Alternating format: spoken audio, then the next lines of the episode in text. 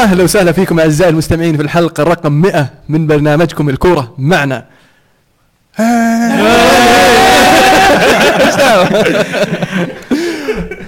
آه وصلنا للحلقة 100 شيء جميل بصراحة. آه بس ودي أعرف بالحضور معنا اليوم معنا اليوم الضيف الكريم آه الليفربولي العريق ويقولون إن له ميول ميلانية. نواف؟ أهلا وسهلا يا الله حيا كيف حالك؟ أهلا وسهلا فيك. شباب.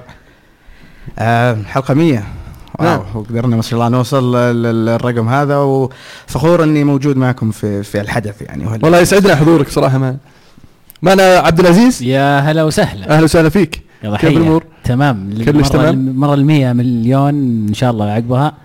راح يكون تمام إن شاء إن شاء الله. الله نوصل للمليون. وعمر؟ هلا والله. هلا وسهلا. كيف أمورك؟ والله تمام. هذه ثاني مرة أوصل حلقة 100 اوه شعور جميل. قام يهايط قام يهايط. ومحدثكم المهند. آه قبل ما نبدأ في الحلقة. وفي واحد ينسحب عليه وش نظامك يعني؟ طيب قاعد صح إحنا قدامك. زعلانين عليك اليوم. طول بعرض يا أخي وش السالفة؟ عبد الله. عبد الله اي عبد الله شكراً. آه والله تمام محدثكم الأرسنالي طبعا تعرفون اللي يتابعونا واللي أول مرة يتابعونا بعد آه، من عشاق أرسنال من عشاق كرة القدم الجميلة وال total football وأكره كل الفرق اللي يشجعها ألمو ف تفضل. شكرا هذا شيء يدل أن الفرق اللي أشجعها أنا جالد الفرق اللي تشجعها أنت. صحيح. هذا يعني واقع. مح- محب فنجر الأول أيضا لا ننسى هالشيء آه. يعني تقدر تقول مرات ومرات. فودي أنا- أنا قبل ما نخش في معمعة الحلقة أسألكم عن الكورة معنا. آه عزيز ودك تحدثنا شلون بدت الكورة معنا؟ يعني من وين بدت فكرة الكورة معنا؟ فكرة الكورة معنا قبل تقريبا أكثر من سنتين.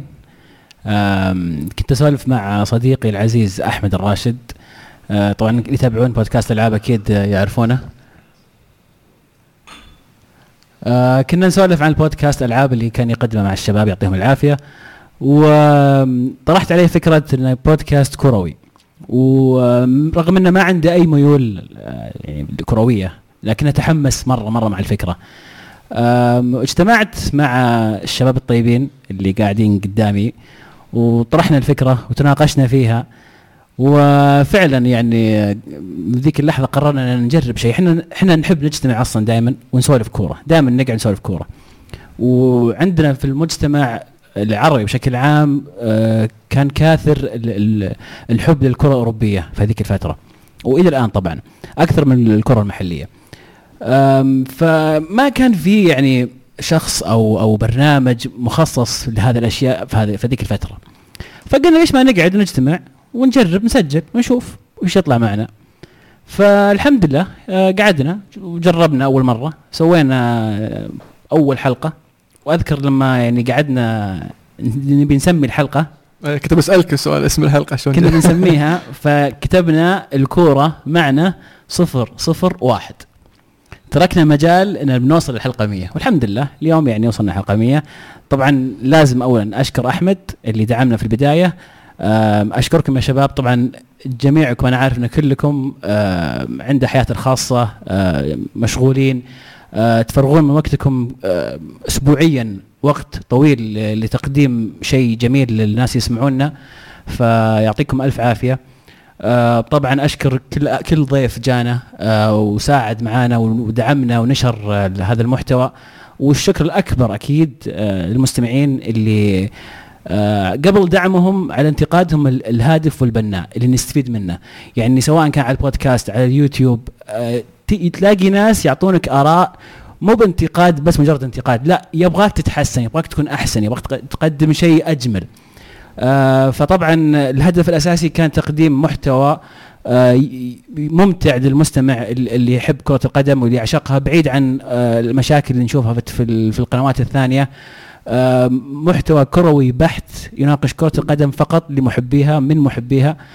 آه، فألف شكر آه، للجميع اللي اللي يدعمنا ويستمر يسمعنا وإن شاء الله يعني عقبال كم؟ 500 إن 600 شاء الله إن شاء الله. شاء الله. احب اضيف على كلامك إن إحنا فعلا فخورين إن كوننا جالسين وصلنا الحلقة رقم 100 آم، ما كان هذا الشيء ممكن من غير جهود الشباب كلهم ما قصروا وإحنا كذلك فخورين إننا نقدر نشارك معاكم يا المستمعين اللحظة هذه. وإن شاء الله مو بعقبال الحلقة 500 إن شاء الله نحط صفر زيادة للحلقه رقم 1000 بحضوركم بحضور المتابعين كلهم إن شاء الله. طبعا السؤال اللي قاعدين نسال في الشات إنه كيف تعرفنا على بعض؟ أنا وألمو نعرف بعض من فترة طويلة من أيام المدرسة إذا ما كنت غلطان من المتوسطة. وفعلا استمرت العلاقة خلال المدرسة إلى الجامعة درسنا في نفس الجامعة في الشرقية جامعة الملك فهد البترول والمعادن. وعزيز أنا ما تعرفت عليك إلا من تالي يعني من آخر قبل البودكاست صحيح. بست شهور أو سنة تقريبا. عزيز أنا أعرفه من قبل يعني كان صديق آه، ولد عمتي. وكنت أشوفه كثير يعني مع الفترة مع ال- ال- الوقت يعني آه، صرنا أصحاب. دبي و- ما أدري شلون لقيناه الصراحة. أحمد الراشد. أحمد الراشد. أحمد الراشد واسطتي في الك- في الحياة كلها. طيب الاسم شلون وصل الاسم إلى الكورة معنا؟ تذكر السالفة دي ولا ما تذكرها؟ طولنا في السالفة. لا أنا تقريبا كم؟ 20 دقيقة. قعدنا أنا أنا والمهند أتذكر وجبنا ورقة وقلم وقعدنا نشخبط وبدينا من كلمة كورة كرة. وقعدنا نتفرع نتفرع نتفرع. وكنا بنسمي البرنامج ذاك إيش كنا بنسميه؟ الدقة معنا. كنا بنسميه دقه معنا. إلين آخر لحظة قلنا لا خل كوره معنا. والله اسمكم الأول كان بال فايه إيه، مر الوقت بسرعة. هذا كلام طبعا 2015 كان. آه. آه، استمتعنا في كل حلقة قدمناها. الفرصة إنك تقعد وتسولف عن شيء تحبه أتوقع ان تت- تتفقون معي في هذه الناحية؟ بس ما هو سهل. أحب أضيف إنه ما هو بسهل ولا هو بشيء دائما يكون خلينا نقول ممكن إنك تستمتع فيه العمل الجاد والشاق اللي يتم خلف الكواليس واللي يتم خارج وقت الحلقة عشان تجي أنت تجلس تسجل مدة الحلقة ساعة ولا ساعة ونص. يمكن ما يحسون فيه بعض ال- ال- المتابعين والمستمعين لكن ثقوا ثقة تامة إن قاعدين نسكب دماء قلوبنا عشان نقدم لكم شيء يسوى إنك تسمعه. يعني. أحد عندها إضافة يا شباب؟ أحد يبي يقول شيء؟ حلقة 100 ترى الوعد حلقه 200 ما في فرصة ثانية. ممكن فكر فيها. جميل. نبدأ بال- بالحلقة. أنا ودي أول شيء نبدأ ب- بكأس العالم للأندية. طبعا الجميع يعلم أن ريال مدريد بطل العالم للأندية المرة الثانية على التوالي وهذا رقم قياسي بالنسبة لريال مدريد آه، بالنسبة لل- للبطولة برضو. آه، إضافة لذلك يعني آه، قبل النهائي كان في مباراة رائعة بالنسبة للجزيرة الإماراتي لعب ضد ريال مدريد وحطهم في موقف محرج. الجزيرة قدم أداء يعني من أروع صراحة من من أروع ما رأيت. الريال ما كان في يومه هذيك المباراة. اللي, ساعد يعني خروج الحارس والقائد الفريق آه، اللي سمح لهم أنهم يسجلون هدف ولا كانوا وقتها يعني من كثر محاولات الشوط الأول صاروا يشوفون يعني آه، ما شاء الله جدار في المرمى مو بحارس. آه، أول ما طلع الحارس بداية الشوط الثاني ثلاث أربع دقائق دخل هدف الأول لريال مدريد. لكن بشكل عام الجزيرة بصراحة قدم مباراة مشرفة أداء من أروع وأحرج الريال. ومبروك ريال مدريد فعلا اللي صار أكثر نادي في العالم تتويجا بالألقاب القارية. مو صار من قبل عنده 23 بطولة قارية تقريبا أو 24 آه في بطولة حسمها رونالدو من جديد بهدف في النهائي. آه إيش تقول عن اللاعب اللي طلع تغنى بنفسه كأفضل اللاعبين في تاريخ كرة القدم؟ وطلع بعدها راموس كمان تغنى فيه وقال إنه أكيد رونالدو من أفضل اللاعبين اللي لمسوا كرة القدم. آه وش رأيكم بالكلام هذا؟ رونالدو اللاعب الوحيد اللي سجل أربع أهداف في أربع. مباريات متتالية في كأس العالم للأندية. في نصف النهائي والنهائي الموسم الماضي ونصف النهائي والنهائي الموسم هذا. آه، يعني آه، غير غير يعني الأشياء اللي سواها يعني ويعتبر حاليا هو هداف البطولة آه، رونالدو. و يعني طيب خلينا خلينا نلف من المدح ونخش على الواقع يعني. آه، ونبدأها بسؤال من حمزة يقول ريال مدريد ما زال متقلب فوز ساحق ضد إشبيليا وتراه بعدها يقدم مستوى متواضع أمام فرق مثل الجزيرة وجريميو مع كامل احترامي طبعا ما أهم الأسباب برأيكم؟ آه، بطولة صعب آه، للاعبين ريال مدريد إنه يشدون أنفسهم إنهم يلعبون فيها. لما يكون مرات الخصم يعني مت... خلينا نقول مع, الأسف متواضع بعض الشيء ال- الوسط ريال مدريد ووسط الجزيرة لكن ال 45 دقيقة الأولى نادي الجزيرة قدم مستوى مشرف قدم مستوى مميز. آه، لكن لما بدأ يزيد الضغط من لاعبين ريال مدريد بدأت تزيد الجدية في لاعبين ريال مدريد يعني الموضوع ما أخذ كثير إلا انحسم بالتعادل والهدف الثاني واستحواذ الكرة على يعني أغلب المباراة. آه، بالنسبة لمباراه جريمي برضو نفس الحكاية. الخصم كان جالس شوية ورا ينتظر فرص من الريال ما كان في عنده حلول كثيرة في الملعب. فريال مدريد يلعب مباراة مسيطر مرتاح. صعب إنه يعني تشد الهمة في 90 دقيقة. وفعلا لا ننسى برضو إنه يعني جاي من سفر من من مدريد لابو ظبي والتجهيز يعني ما كان آه، عندهم ال- ال- الوقت الكافي. آه، غير ذلك إنه مباراتين على طول آه، ثم يرجع وبعدها بأسبوع راح يكون في كلاسيكو. فأتوقع أن زيدان كان حاب يأخذ ال- ال- ال- البطولة بأقل مجهود ممكن. واعتقد البطاقات كانت تحسب في البطولة ممكن تأثر على الدوري. نظام جديد طبقوه السنة هذه. فأمر مخيف إنك تروح الكلاسيكو ناقص بأحد صحيح؟ اللاعبين. بطولة كأس العالم؟ طبق نعم. في الدوري؟ نعم. هاي كل الدوريات ولا الاسباني هذا اللي سمعته الأندية المشاركة تمشي عليها ال- ال- العقوبة في السنة. هو غريب. شيء- غبي. المفروض البطولة القارية مو بالبطولة المحلية. أنا ما أدري أنا أشوف شيء مرة غبي. وش وش دخل البطولة هذه في البطولة هذه؟ يعني أنا عندي مشكلة مع سالفة ال- ال- في الدوري الإنجليزي. يعني اذا لعبت في الكاس تطبق العقوبه لا لأن كلها بطولات محلية يعني. بس برضو تمشي. يعني أنا أشوف كل بطولة لحال. آه صحيح. بس آه يعني لها ميزة ترى. لها ميزة. لها ميزة. لما آه. تنطرد في الدوري وتجي مباراة كاس وت- عادي. إيه فتروح ترجع تلعب في الدوري. حلو. اول نحب نبارك ريال مدريد طبعا على اللقب ال ال آه، كم عندهم كأس عالم؟ سبعه؟ ما أدري أخذوا اثنين ورا بعض الحين إيه وفي عندهم أول- الظاهر أربعة قبل والعودة. للكلاسيكو فيعني آه، آه. الأمور الأمور آه، وعودة بيل ترى مهمة جدا يعني حتى شفنا أول مباراة له سجل هدف الفوز ضد الجزيرة يعني آه، وبرش وبرشلونة في حالة جيدة يعني فالكلاسيكو بيكون مرتقب أعتقد بس الإشكالية الوحيدة كلاسيكو هالسنة التوقيت راح يكون شوي أعتقد متأخر. من بدري. أعتقد. يعني ما تعودنا الكلاسيكو نشوفه ف, ف... أهم شيء السبت يعني لا يحطون لا، الأحد قد سووها الظهر صح؟ قد سووها الظهر بس ما كان كلاسيكو.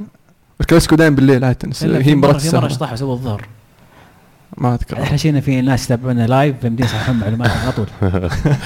جميل. fact check سريع. طبعا قبل ما نكمل بس أحب أقول إن في تويتة مرة ثانية اللي موجودة في حسابنا في تويتر. ادخلوا يا شباب نبي تفجير لل retweet نبغى توصل إلى الأفاق يعني. وكمان تدخلون لفرصة المشاركة في السحب.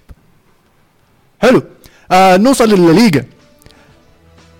برشلونة فاز 4-0 على آه ديبورتيفو ديبورتيفو لاكورونيا في مباراة يعني شهدت عودة لويس سواريز للتهديف هدفين مهمين. و...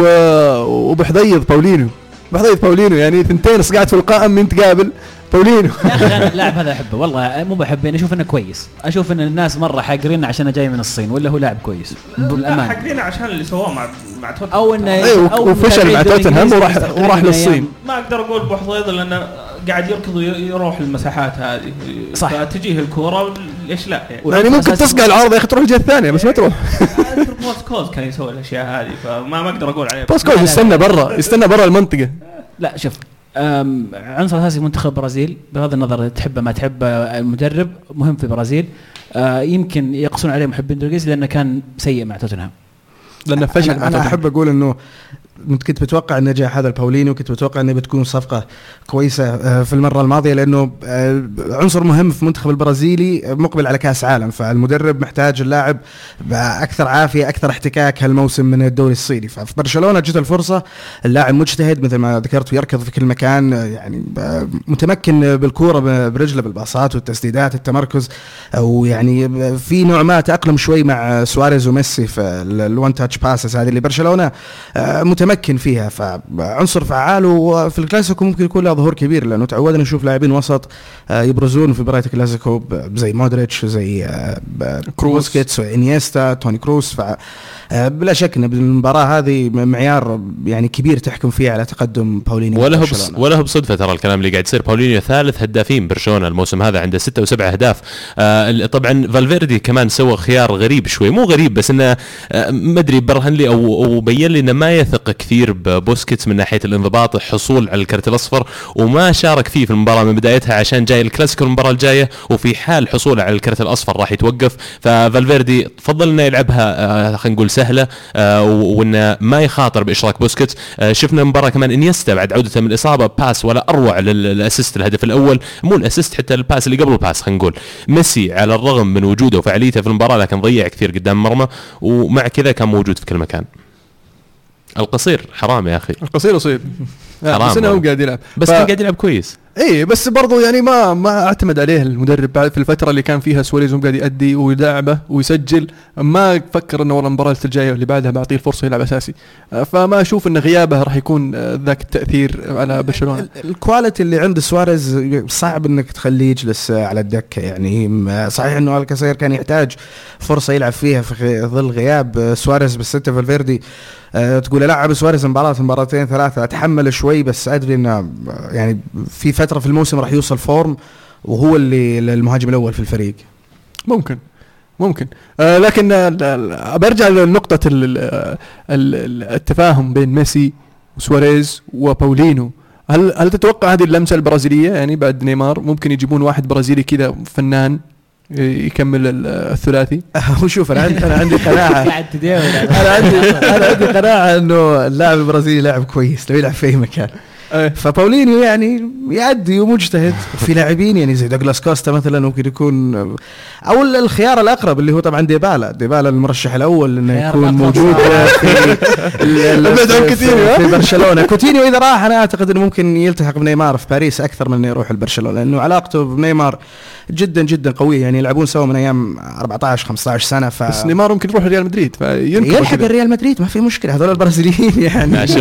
ما تعلمنا من روبينيو اللي راح مانشستر سيتي وراح ميلان وهو يعني يلعب مباراة في الموسم. سواريز عاد اليوم تكلم قال كوتينيو وجريزمان مرحب فيهم في برشلونة وراح يلقون مكانهم وأكيد أتمنى أنهم يجون. آه، فعلا خط هجوم فتاك ممكن يصير لو جو هذول اللاعبين. آه، أو أي إضافة أخرى برشلونة أحسهم ناقصهم لاعب أو لاعبين إنهم يرجعون لفترة ال domination اللي كانوا عليها.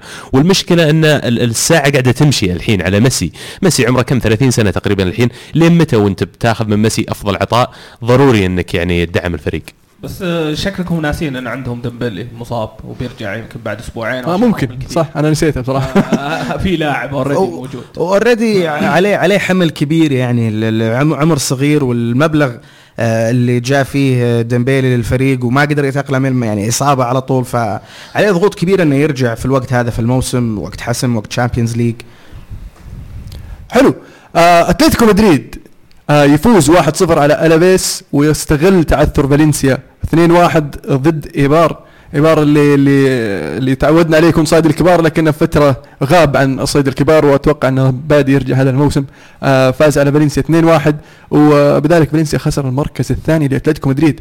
آه ريال مدريد ما زال عنده الفرصة إنه يرجع للمنافسة ولو فاز على برشلونة في الكلاسيكو راح أتوقع يفتح ال- ال- ال- الدوري الأسباني على مصراعيه يقولهم. آه طبعا كمان شيء برشلونة أعلنوا اليوم إنهم ما راح يسوون ال guard of honor ولا اللي يسمونها ما أدري إيش يسمونه بالعربي ممر الشرف يمكن اللي عادة يعقد بعد ما يفوز فريق ببطوله لما يجي يزور أي ملعب اللاعبين يصفون آه برا التنل آه ويصفقون لهم وهم داخلين فبرشلونة تحججوا قالوا إنه لما يصير في نفس البطولة إذا فاز بالدوري وإحنا قاعدين نلعب. بالدوري نسوي لهم هالشيء آه هذا العادة بس شفنا شفنا فرق تصف البرشلونة سواها الميلان. الإنتر سواها. برضو. آه، شفنا فرق تسويها برشلونه تسويها نفسها. حر عادي بس انه البطوله ما شاركت فيها ف بس يعني خلاص يعني ليش؟ إيه يعني يعني شوف صار شيء كاستم في الكورة فما تسوى تغيرة على على يعني لو لو أتلتيكو مدريد فايز بيسوونها. بيسوونها أكيد. ما ما أكيد. أعتقد ما أعتقد أكيد يسوونها بس أهم شيء هو بالريال ما بالضبط أقول لك هو الريال بس يعني لو أتلتيكو فاز صفقوا لهم مبسوطين عادي. أتوقع الموضوع أكثر ما هو ما يبغون يعطون دفعة معنوية للاعبين مدريد بالذات في بطولة زي الدوري راح يحاول مدريد اللحاق ببرشلونه فلا راح يقولون هذه بطولتنا أنت رحت فزت بكأس العالم عندي أنا مالي شغل تعال لعب معي هنا بالعكس مو مو شرط يعني ما أعتقد إنه اللاعبين توصل للمرحلة هذه إنه أوكي إحنا منهزمين already داخل الفريق هذا بطل. لا بالعكس لاعبين برشلونة عندهم العقلية اللي فيهم سواريز وميسي اللي لا حتى هذا بطل العالم إحنا نقدر نفوز عليه ونبعد في النقاط في الدوري ف بلا شك نرجع نقول كلاسيكو بيكون مرتقب بشكل كبير. جدا. وأنا أشوف الوقت زين صراحة. عصر الساعة 3 أشوف إنه مناسب الوقت. السبت ممتاز. مم. إيه، السبت الساعة 3 مش غلط. آه نذكر بجدول الترتيب في الدوري الأسباني برشلونة في الصدارة بعد 16 جولة ب 42 نقطة. أتلتيكو مدريد في المركز الثاني ب 36 نقطة. فالنسيا ينزل للمركز الثالث ب 34 نقطة. ريال مدريد ناقص مباراة في المركز الرابع ب 31 نقطة. في الدوري الإنجليزي مانشستر سيتي مستمر في آه تحطيم الأرقام وتحطيم الفرق بعد. آه مانشستر الجلد. سيتي يفوز 4-1 على توتنهام آه في مباراة يعني, آه يعني أنا شخصيا كنت آه يعني مأمل في توتنهام بما أنهم يعني آه وقفوا تشيلسي الموسم الماضي عقب 13 مباراة فوز آه وقفوهم.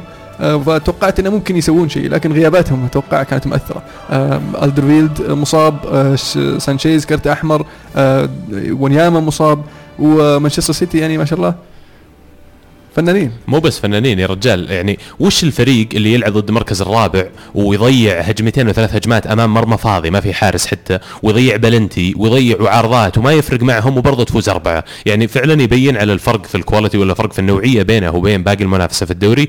يبدو لي سيتي يعني ما في شيء بيوقفهم بالذات إن دور ال 16 في ال Champions جتهم قرعة لطيفة. بازل بيمغطونهم رايح جاي والمباريات اللي حولها ما راح يعانون فيها كثير. و by that time لما يجي الوقت هذاك راح جارديولا أكيد بيكون تركيزه على بطولة معينة لأن الفرق حاليا في الدوري بين المركز الأول والثاني يسمح له أنه يرمي ثلاث أربع مباريات في الزبالة. السيتي يا أخي طريقه اللي يرتد فيها يا أخي كل الفريق قاعد يتحرك مع ال- مع بعض يعني. دائما تشوف مو بس الأربعة. اي مو بس الأربعة اللي قدام ولا هو الوسط حتى الدفاع قاعد يمشي.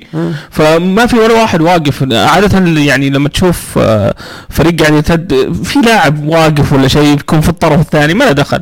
هذول كلهم يتحركون. يعني كلهم نسل واحد فهمت؟ إيه. شيء استهبال في أخبار غير مؤكدة طبعا طلعت آه، ما ادري إذا سمعتوا عنها ديفيد سيلفا غيابه في المباراة الأخيرة نتمنى أن الأخبار ما تصير صحيحة لأن لم يتم تأكيدها للان من مانشستر سيتي. يقولون أن جاه المرض الشين الله يكافينا وياكم الشر آه، أصابه ال cancer ونتمنى ان ما تكون هذا اللي صار لأن ما يستاهل أي لاعب صراحة أنه يغيب لسبب خارج الملعب. آه، ال- ديفيد سيلفا فعلا يعني نتمنى إنه ال- ال- الأمور ما تكون آه، زي ما تبدو. آه، اللاعب هذا اللي أعتقد إنه يعني أفضل لاعب في تاريخ مانشستر سيتي. أنت لما تشوف النادي المشجعين يعني ما عندهم ذاك الأساطير اللي مرت في تاريخ الكرة الإنجليزية في الستينات والسبعينات والثمانينات لكن مروا في جيل آه، فظيع. اجويرو يايا توري كومباني لكن آه، سيلفا برز بينهم بشكل وحتى الآن استمر. وهذه النقطة اللي آه، يعني بيب جوارديولا قدر يزرعها في الفريق. يعني الناس تحب تقول إنه جاء الفريق جاهز الناس تحب تقول إنه جاء الفريق عنده ملايين يشتري اللاعبين اللي يبغاهم. لكن لو نشوف الفريق اللي جاء له بيب جوارديولا سيتي كان مميز جدا لكن قايم على أربع أسماء تقريبا. كومباني يايا توري ديفيد سيلفا سيرجيو اجويرو الفريق اللي نشوفه الموسم هذا آه، في مانشستر سيتي يعني ما بقى منه إلا سيلفا. كل اللعيبة هذول غابوا كومباني. يظهر في المباراة بعدين يطلع مصاب آه، في الشوط الثاني. يايا توري وجوده شبه معدوم في الفريق. واجويرو صار صعب تتخلى عن لاعب زي مثل- اجويرو لكن في المباريات وست بروم المباريات هذه يدخل اجويرو يجلد لك المباراة بهدفين ثلاثة. لكن تبغى تلعب الكورة اللي يبغى يلعبها بيب في مباراة زي توتنهام أو مانشستر يونايتد تحتاج ال- جابرييل لأنه اللي سواه في مباراة يونايتد يعني سحر في الملعب. خلى فريق ما في راس حربة يتمشى في الكورة. ضد فريق ما ما هو قادر عنده ما هو قادر يسوي أي شيء ما عنده حلول. نبغى نقول إن مورينيو دافع لكن مورينيو في الشوط الثاني حاول يلعب بأربع مهاجمين لما دخل إبراهيموفيتش لكن مع ذلك ما وجد حلول لأنه مانشستر سيتي يتمشى في الكورة. مانشستر سيتي مستحوذ اللعب لاعبين عندهم ثقة عجيبة إنه المباراة ماشية معهم وهذا الأسلوب اللي طبقه في برشلونة في بايرن ميونخ والحين في مانشستر سيتي. ف استغرب كيف ناس كثيرة تشكك آه. اللي يميز برضو سيلفا إنه مستمر في مستواه. وبعيد عن ال- الإعلام وعن ال- ال- ال- البهرجة والقصات الشعر والشكل والما ادري وش يجي يلعب في الملعب يعطيك 100% دائما عرفت؟ وعرفت النظام اللي اللاعب اللي اللي ما له ضجة وهالة فالناس تبدأ تنساها شوي. فلما يجيك أجويرو مثلا عرفت؟ يهدف ويسوي ثم يايا توري يشيل الفريق ويسوي بس يايا توري شوف وش سوى ثم اختفى أجويرو الحين in in out في الفريق بس سيلفا دائما موجود ودائما يعطيك نفس المستوى نفس الأداء. إيه، بالضبط بالضبط. لعبة واضحة لعبة ثابتة. وبرضه ما نبغى نبخس حق فرناندينو ودي بروين اللي الموسم هذا خصوصا البلجيكي. يعني حتى الآن تقريبا تقدر تقول إنه أفضل لاعب في الدوري. آه، معنا مشاركة من رينجو يقول في البداية أشكركم على البودكاست اللي أقل ما يقال عنه رائع. متابعكم من أول 20 حلقة تقريبا ما زلت انتظر الحلقة تنزل أسبوعيا على أحر من الجمر. ثانيا السيتي ب 15 فوز متتالي يكسر رقم أرسنال. فإذا عندكم أحد أرسنالي منا ولا منا قولوا لك كسرنا الأول والثاني جاي. حافظة الكاس الذهبية.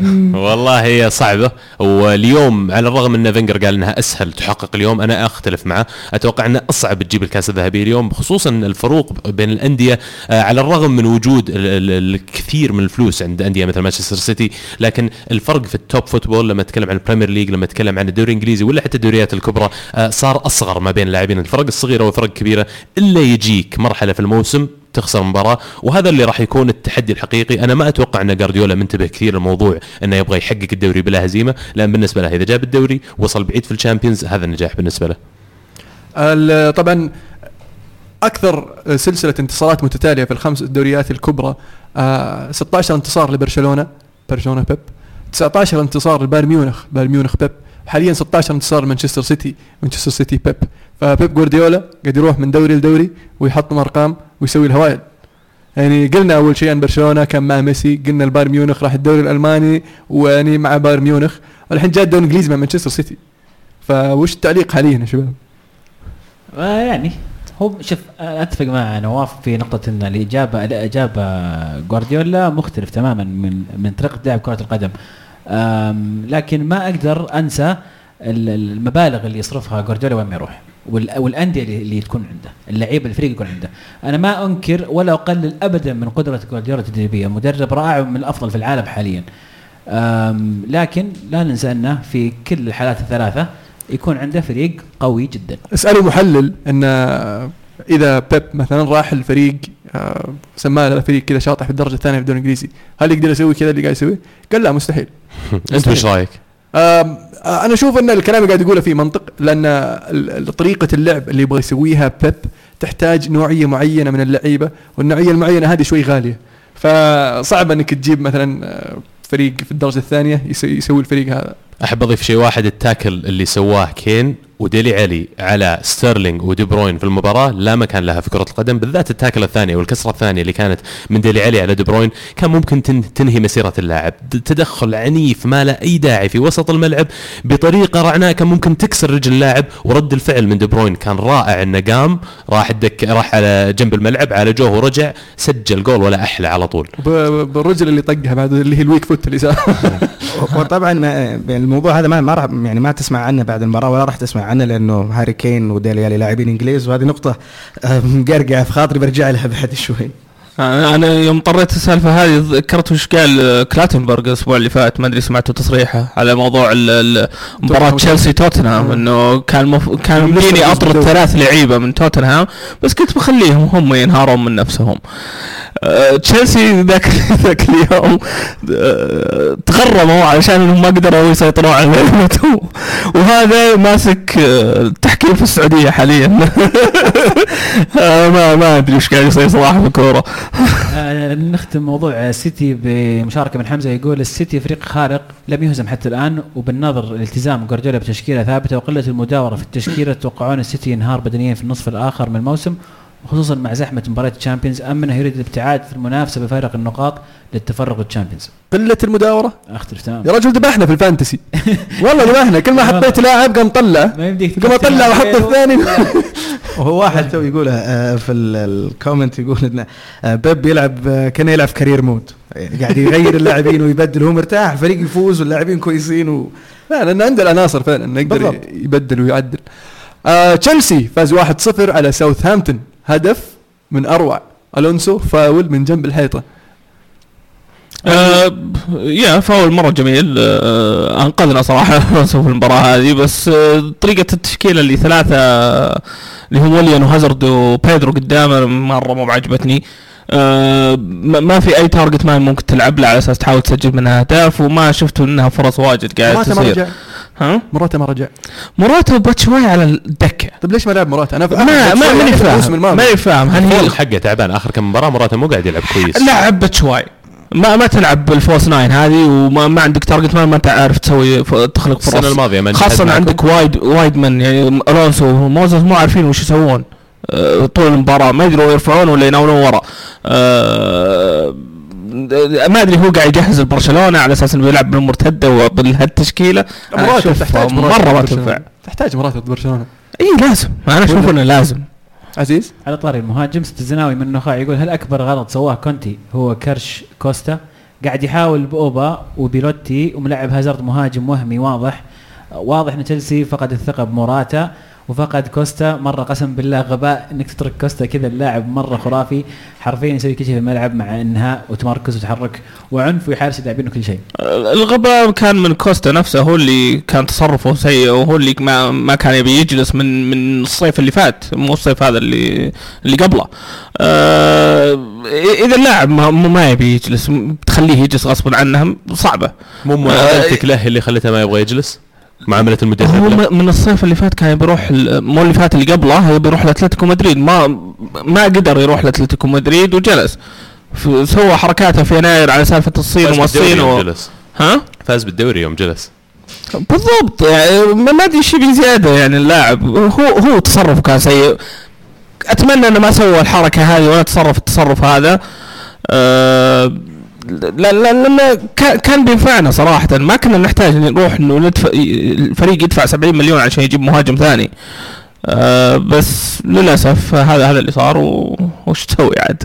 م- موراتا يعني أعتقد أول موسم له في الدوري الإنجليزي والمباريات الكثيرة اللي قاعدة تلعب في الوقت هذا.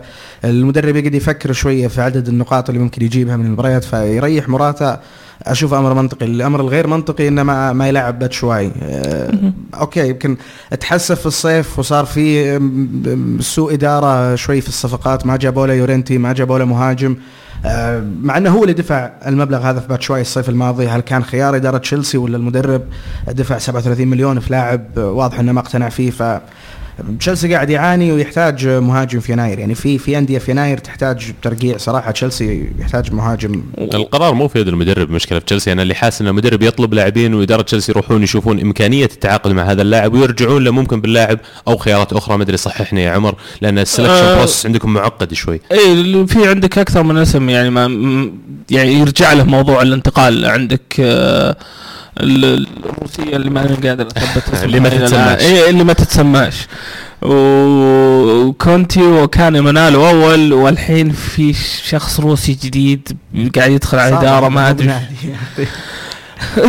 صعب الوضع يس. آه، أتمنى إنه يعني يعني يا إنك تجيب director of football زي ما كان مايكل منالو يشتغل مع كونتي يساعده. بس آه، ما ما ما أدري إيش ممكن يصير. ال- سالفة مهاجم في يناير أنا أشوف انه آه، ضروري صراحة. آه، برضو باتشواي لو تلقى إعارة له لنهاية ال Premier. الموسم أفضل له اي في ال Premier League.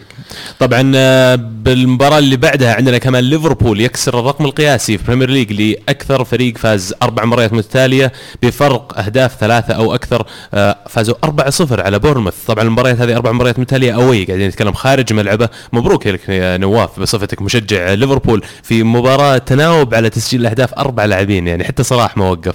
آه ما شاء الله عليه صلاح. طبعا الجوائز آه، كثيرة قاعد ياخذها في في الوقت ويستاهل ما شاء الله يعني. اذكروا الله يا جماعة اذكروا الله كلكم. لا إله إلا الله. طبعا أهمها بالنسبة لي وابرز التوفيق لصلاح لين الصيف. شوف يعني خلاص. مو خلي خلي تجي تشجع في كأس العالم مع إنه إيطاليا يطلعوا آه، بس أهم الجوائز اللي أخذها صلاح أعتقد الفوت كارد اللي نزلت له اللي يلعبون التيمت صلاح نزل له التيم في سترايكر الفيفا صح؟ نزل له سترايكر 88 فحلم صلاح الحين تلعب فيه. آه، الفورم حق ليفربول رهيب كان. ال- ال- أنا شو مقتنع يعني قناعة تامه ان ليفربول ثاني أفضل فريق يلعب في الدوري هالموسم بعد مانشستر سيتي. آه، تجي مباريات الفريق يوقف تجي مباريات الفريق آه، يلعب بشكل مميز بشكل سلس. وهذا الفرق بين ليفربول ومانشستر سيتي بين مدرب زي بيب جوارديولا ولعيبه زي مانشستر سيتي واللي موجود حاليا في ليفربول اللي, نقول إنه في أخطاء. يعني تشيلسي إنه ما يجيب مهاجم في الصيف هذه غلطة فادحة. ليفربول إنه ما يجيب مدافع في الصيف هذه كانت غلطة أكبر.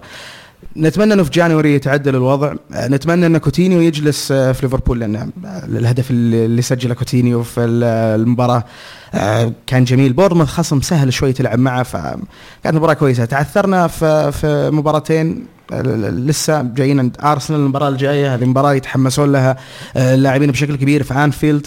أرسنال آه، يعني كانوا في السنوات الماضية يحبون يسمون أنفيلد الأميريتس بس في آخر كم زيارة آه، صح انعكست الأمور. يعني نتائج كانت ضعيفة لأرسنال. وأختلف معك على موضوع إن بورنموث خصم سهل. ترى بورنموث من الفرق الصعبة في الدوري اللي تلعب كرة القدم بالطريقة اللي أنا أشوف المفروض الفرق تلعب فيها. تلعب استحواذ تلعب على بناء الهجمة. ما تلعب مثل بيرنلي اللي هو قفل ال- ال- ال- الدفاعات وبس. خلي خلي لا يدخل عليك هدف وخذ هدف المرتده لكن ليفربول هم اللي يستحقون الإشادة فعلا. أسلوب لعبهم من ضمن الفرق الكبيرة خلينا نقول اللي موجودة من من يمكن الفريق الوحيد باستثناء ناديين ثلاثة في الدوري الإنجليزي اللي فعلا يحاولون يلعبون كرة قدم جميلة يحاولون يقدمون كرة قدم تليق بال 60 70 80 ألف متفرج اللي جايين يدفعون تذكرة ويحضرون المباراة. وكذلك الجمهور اللي مثلي ومثلك يا نواف يجلسون يتفرجون على المباراه من TV هنا. بالضبط. لا لا هو بلا شك إنه فخور إنه تشوف فريقك اهم شيء يلعب بالمستوى هذا. لكن آه، بورنموث النقطة اللي كنا نتكلم عنها لو بيب درب فريق في الدرجة الثانية تقريبا بيكون زي بورنموث لأنه إيدي هاو مدرب يعني حتى ترشح شوي لوظيفة أرسنال بعد فينجر لأنه يحب يلعب كرة سلسه يحب يلعب كرة سهلة. في يومه ممكن يتعب الفرق الكبيرة سبق فازوا على يونايتد سبق فازوا على تشيلسي بس لما يكونوا لاعبين مع يونايتد قبلها ويلعبون بعدها مع ليفربول ال- ال fitness يكون شوية صعب على عموما يعني بورموث هذا الموسم ترى ما ب- ما هم في أحسن حالاتهم. آه وبعدين بنقطة بيرنلي وبورموث واللعب ال- ال- ال- ال- الجميل على قولة الله. ترتبط معها أنت آه. طبعا. اي بس بقول وين بورموث وين آه، بيرنلي في الترتيب؟ آه، أوكي بس آه، طبعا لا لأنه في في على قولة ال- ال- ال- المخضرم والمدرب الكبير آه، جوزيه مورينيو. في effective football وفي total football ف... negative foot في negative football ففي بعض المدربين ياخذون ال effective football ال- الكرة الفعالة اللي تكسبه والعبه يعني.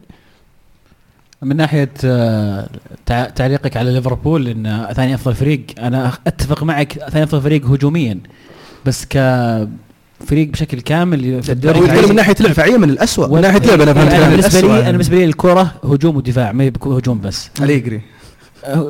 كرة شاملة. اي فعلا. بس آه، من ناحية آه. من ناحية اللعب أكثر فريقين ممتعين في الدوري حاليا السيتي وحقق وليفربول ليفربول. حقق نتائج. يعني هنا أنا هنا النقطة إنه يعني ما ما في بعد كبير بينه وبين يونايتد. لكن أنا سمعت ظاهر إحصائية مجنونة إنه أعتقد البعد بين الخامس والأخير آه، أكثر من الخامس والأول فالسيتي السيتي مرة فارق. قصدك. العكس الفرق بين الأول والخامس أكثر من الفرق أكثر بين. الخامس والأخير ف- sorry فالسيتي فارق لكن ليفربول قاعد يحقق نتائج كويسة بتعثر في كم مباراة بس آه، المستوى ومو بس مو بس حتى في ال Champions League يعني شغال. مو بس ليفربول كشكل فريق أحب أرجع وأكرر وأعيد على موضوع صلاح ال impact والأثر اللي قاعد يسويه على ليفربول مو شيء بسيط. فخر فعلا لنا كلنا كعرب انه في لاعب يمثلنا ويلعب بالطريقة هذه واحد من أفضل اللاعبين في الدوري الإنجليزي الموسم هذا. أخذ player of the month مرتين آه، سجل goal of the month بالنسبة لليفربول مرتين فاز player of the month في ليفربول نفسه بالنادي أربع أو خمس مرات الظاهر خلال الموسم هذا. شيء رائع عدد أهداف 14 هدف وصل؟ 20 هالموسم total 20 هدف كل البطولات الدوري الانجليزي. لحاله 14 هذا 15 غير. غير صناعة الأهداف بعد. يعني شيء هو شيء هداف ال Premier League آه، 14 شيء. يشرف الصراحة. والله شيء يشرف إنه يجي في بيئة زي كذا. فشل فيها قبل أو كانت تجربته ما هي بالنجاح نفسه وترجع تثبت نفسك نحييك صراحة يا صلاح. وصلاح بول مبروك.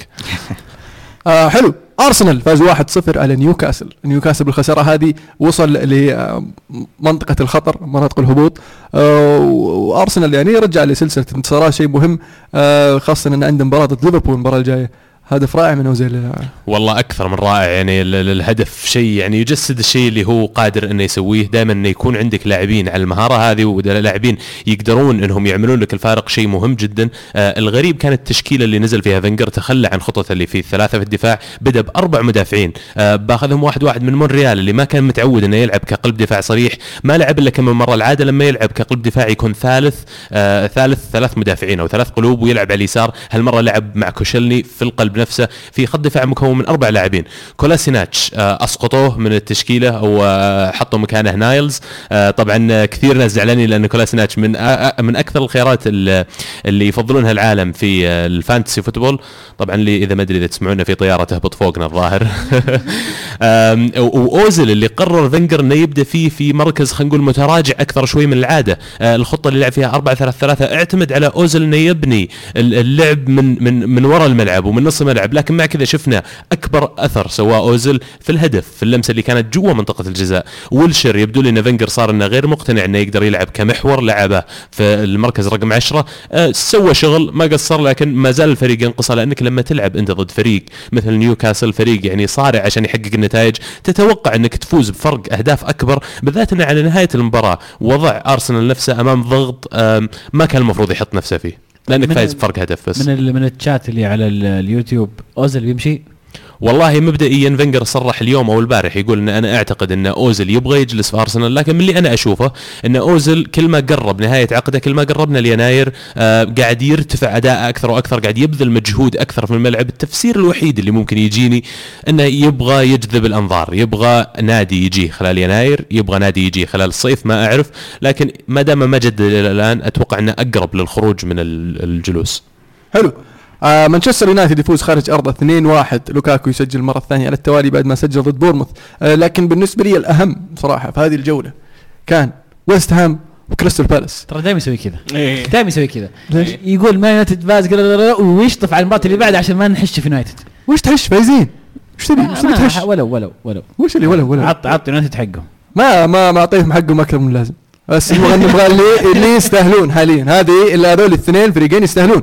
ويست هام بعد يعني معاناة وصلوا للهبوط. جاء مويس وقدر يقدم مستويات جميلة. صح إنه انصقع أربعة أول مباراة بعدين تعب السيتي ثم فاز على تشيلسي وتعادل مع أرسنال وفاز على ستوك في أرضهم 3-0 فيعني أشوف إن هذا اللي سواه شيء جميل.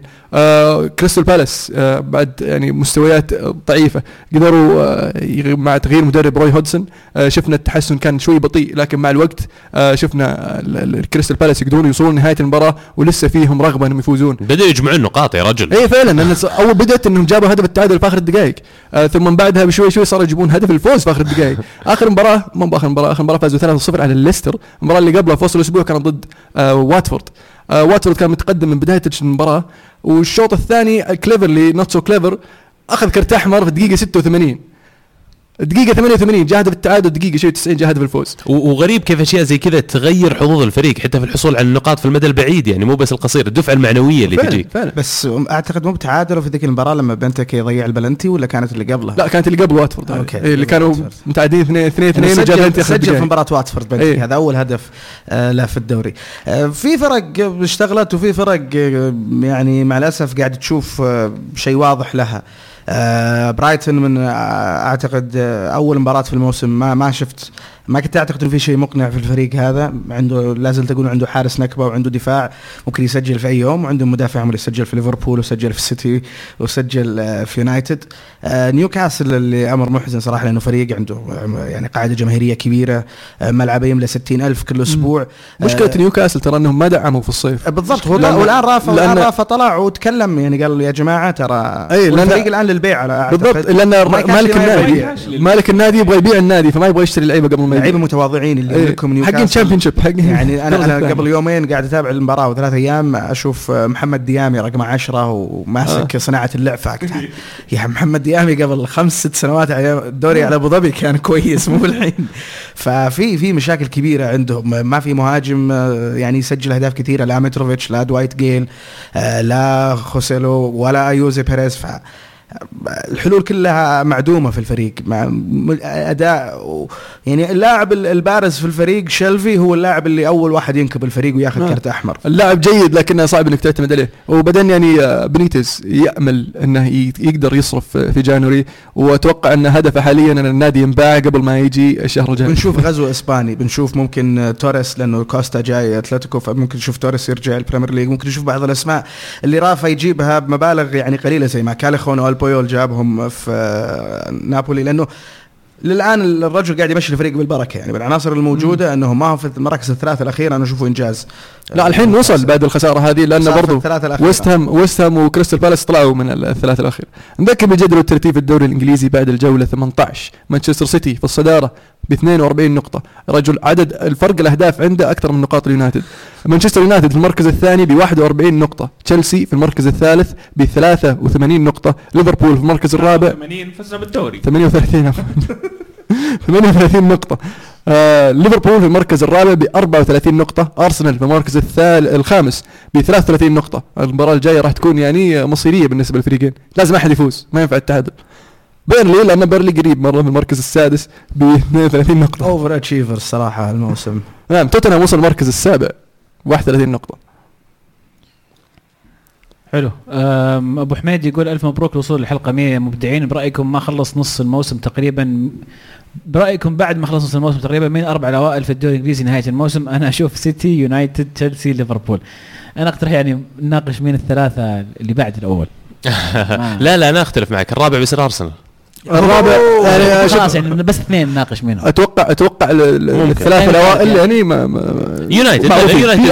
أحد. وتشيلسي أتوقع راح يكون من ال top أعتقد 3 ليفربول- تشيلسي تتوقع الثالث؟ إي أوكي أتوقع- معناته ليفربول وأرسنال. ليفربول وأرسنال راح يكون بينهم الرابع أعتقد تشيلسي ممكن يطلع بدري من ال Champions League أو أو واحد من الاثنين. يا تشيلسي يا ليفربول اعتمادا على نتائجهم في ال Champions League.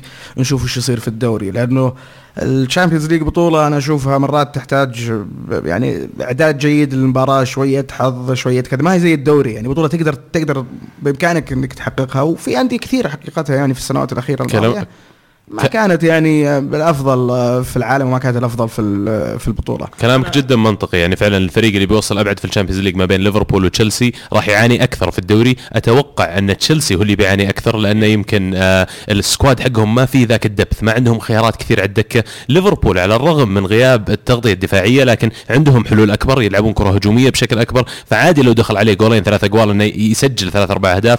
فأنا أتوقع أن أرسنال وليفربول راح يكملون الأربع الاوائل بس آه، طبعا تشيلسي راح يلعب مع برشلونة في ال Champions League فانا عشان كذا أقول لك ممكن إنه ليفربول ولو إنه أنا ما أضمن ليفربول ضد آه، بورتو بس أعتقد برشلونة خطر أكبر يعني.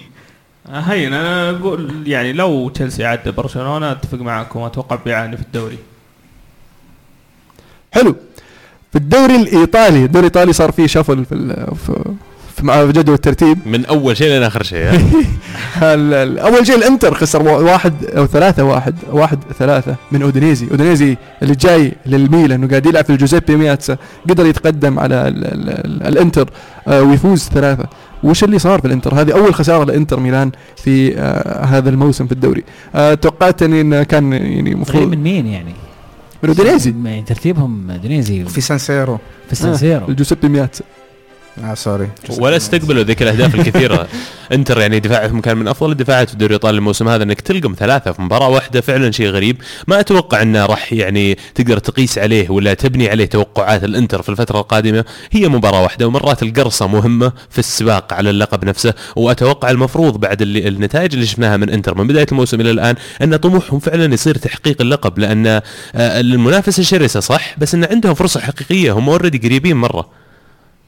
إيريك جيرتس يقول للأسف تحمست الأسبوع الماضي بمدح سباليتي ومقارنته بالظاهرة مورينيو اللي حقق- لنا كل الأحلام وجاء مخدر اعلاميا أمام أودينيزي ليخسر. سؤالي هل الإنتر أصبح بعيد عن الدوري؟ أنا خلاص ضمنت فوز اليوفي بالدوري ما له منافس. والله لا،. كنت احسبك تقصد اريك جيرتس في نص التصريح يعني هذا فعلا إيريك إيه، جيرتس هو فعلا هو. المدرب الكبير إيريك جيرتس أوكي صديق. البرنامج hello hello تعلم لغة عربية عشان يتابعنا نعم. تحية طيبة لل- بس أنا أختلف معك أول شيء يعني آه، النابولي في الصدارة آه، ثاني شيء الإنتر ما زال يعني يبعد النقطتين عن الصداره فما والدوري لسه تونا الجولة 17 يعني مشوارنا طويل حتى ما بعد انتصف الموسم آه، ما انتصف الدوري. فأشوف ان المشوار طويل وإنتر اللي راح يريحه انه ما عنده بطولات خارجية آه راح يكون مروق يلعب شفنا شفنا فرق مروقة تلعب تفوز بالدوري آه زي تشيلسي وليستر آه، يعني مثلا. آه فأتوقع إنه راح راح يعاني ال- ال- اليوفي على أساس إنه يقدر يرجع اللقب السابع نقول. والله نقول إن شاء الله. آه ف... بس يعني الجميل في في إيطاليا السنة هذه إن الإنتر مجرد إنه خسر مباراة واحدة من الأول ممكن يصير رابع بفوز روما. فشيء شيء مباراة- طبعا روما عندهم مباراة مؤجلة. فحماس في الدوري الإيطالي السنة هذه. شيء إيجابي للدوري الإيطالي لجميع الفرق المشاركة في المشاركة في الدوري الإيطالي لأن لما يصير عندك أربع فرق طموحها تحقيق اللقب الاستثمار في الفرق هذه وال وال ال- ال- الدعم اللي يجيها يصير موازي لطموحهم بتحقيق اللقب هذا فيرفع من مستوى المنافسة في الدوري بشكل كامل. ال- الجدير بالذكر بعد ان من بداية من الموسم القادم الأربع فرق الأولى في الدوريات الأربع الكبرى راح يتأهلون مباشرة لدوري المجموعات آه، في ال Champions League آه، فهذا الشيء أكيد راح يعطي دافع أكبر على تحقيق أحد هذه المراكز ويبدو لي إلى حد كبير يعني ال top four في الدوري الإيطالي واضحة من الحين اللي هم يوفي إنتر نابولي وروما روما آه. بالضبط روما اللي الموسم هذا صراحة يعني آه، دي فرانشيسكو في أول موسم له في روما في أول تجربة آه، كبيرة له بعد تجربة مميزة في ساسولو. كان آه، يعني ال- النادي اللي دائما ما يزعج الأندية الكبيرة واللي يشجعون ميلان يعرفون تماما وشو ساسولو بيراردي والكوابيس اللي صارت لميلان من بعدها. فالآن مع روما بفريق يحتاج شغل أكثر. يعني لما تشوف كولاروف وجيكو هم من أبرز اللاعبين في الفريق. بيروتي ما يعني ما هو قادرين ينافسون الأفضل في القارة لكن في الدوري الإيطالي خلينا نقول شايلين أنفسهم شوية بس, بس يعني أول شيء أول شيء بس بنذكر روما فاز. اللعب- sorry, sorry طريقة اللعب حقت آه، دي فرانشيسكو قادرة يعني تمشي الفريق هذا بشكل جميل وحتى الدفاع يعني أعتقد روما أقوى دفاع في الدوري الإيطالي ما قبل العشر أهداف. هالموسم. ف آه، آه، واحد من أفضل المدافعين أشوفه في أوروبا في عمره. لما أرسنال فرط آه، في ضمه ما كان جاد آه، من أيام أولمبياكوس. فأشوف روما قدر يبني فريق مميز. والصراع بين الثلاثي نابولي روما نابولي إنتر آه، يوفنتوس. ولو إنه إنتر يعني علامات خطرة الهزيمة هذه ويحتاجون bounce كبير في المباراة الجاية.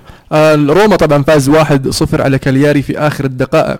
آه، الفوز في بهذه الطريقة يعني ترى مؤشر مؤشر جيد. إن الفريق يعني رغم إنه مو مو بقادر يقد- يقدم المستويات المعهودة أو المستويات المطلوبة يقدر يخطف الثلاث نقاط. وهذا شيء شيء كويس بالنسبة لروما خاصة إنه يعني زي ما قلت المدرب جديد آه، في عناصر جديدة في عناصر طلعوا مهمين مؤثرين في الفريق. آه، لكن روما آه، بصراحة عكس اللي توقعته روما قاعد يقدم مستويات أكثر من من رائعه أحد شاف الفالنتي حق بيروتي إيه، إيه. بس هو ترى دائما هذه طريقته أنا لو حارس مسكت يوم مسكت الكورة شتتها في وجهه صراحة.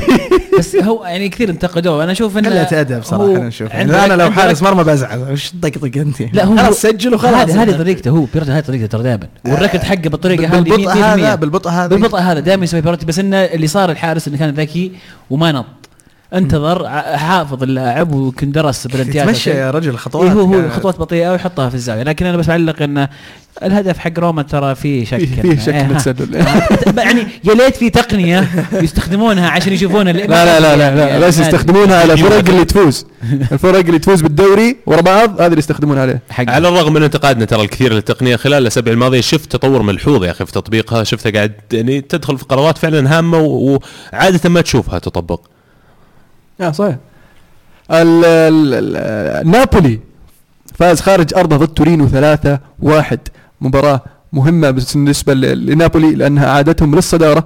وهامسك ملك هامسك تخطى ال- ال- الرقم القياسي لمارادونا كهداف تاريخي لنادي نابولي ب 115 هدف. اليوفي قدر يفوز برضه خارج أرضه 3-0 ال- المباراة برضه شهدت غياب ديبالا المرة الثانية على التوالي. آه لكن شفنا كوستا يشارك مكان كوادرادو. و وفازوا أليجري يقول ديبالا غير جاهز لسه. ما أدري الظاهر رجع ديبالا صغير وغير ناضج من جديد زي زي برناردسكي. ما أدري إيش صاير صراحة. في شيء غريب صاير في, في اليوفي. لكن الجهه الإيجابية سادس clean sheet على التوالي لليوفي.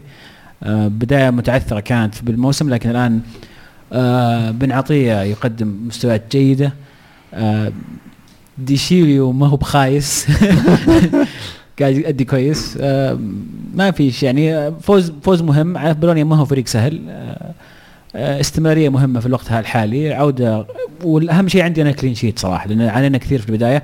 آه، مسجلين رقم قياسي من الاهداف ما سجل إلا ما سجل إلا اليوفي نفسه من تقريبا عام 60 موسم 60 ففي بوادر إيجابية لليوفي جميل.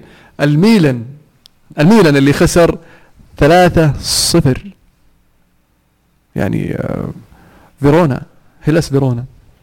فاز 3-0 على الميلان. ال- وش صار يعني؟ ما أدري وش صار بصراحة. شيء مؤسف الصراحة يعني إنك تخسر في مباراة زي كذا وأنت متوقع منك إنك تفوز هي الكارثة أكثر من شيء ثاني. إنك تبني الثقة خلال كم من مباراة قاعد تحاول إنك تعود للنتائج الإيجابية وتخسر بالطريقة هذه بعد أكيد يدمر كل شيء جمعته من الثقة. آه المشكلة إن ميلان بدأوا المباراة بشكل إيجابي. آه حافظوا على الكرة كويس كان حتى هجومهم وتقدمهم بالكرة يوحي إنها راح تكون آه مباراة راح يحصل فيها ميلان على النقاط الثلاث لكن مو بهذا اللي شفناه. آه الفريق بعد أقل ضغط بعد أقل تحدي خلينا نقول واجهه آه استقبلوا الهدف الأول وانهار الفريق من بعدها. كل الأهداف اللي ثلاثة اللي دخلت كان ممكن تفاديها يعني إذا الفريق قاعد يلعب كوحدة كفريق واحد. لكن آه جاتوزو يبدو لي بعد العمل اللي سواه رجع إلى نقطة الصفر من جديد وشب على اللاعبين كثير. يعني انت من من البداية واضح العمل يعني ال- التجربة اللي حصلت مع ميلان الآن وأنا ماني قريب من الأخبار عشان أعرف وش اللي قاعد يحصل. ما أدري يقولوا في بنك إليوت ومش عارف إيش واستحواذ وتيك أوفر. ما ما أفهم في الأمور المالية في الكورة فما أعرف وش اللي ممكن يصير في النادي بعد ال- ال- الطلب اللي قدموه. بس التجربة على العموم حتى الآن خلينا نقول عشان ما نحكم عليها إنها ما انتهت لكن حتى الآن تدرس في الكورة إنها واحدة من أسوأ التجارب آه، في, في, عالم كرة القدم. جاء نادي دفع 200 مليون في لاعبين مبعثرين مبعثرين المراكز مبعثرين الدواري وال- والثقافات والاختلافات الكروية بمدرب ما هو قادر يمشي ال squad اللي كان عنده قبل. وقالوا له يلا خذ العب.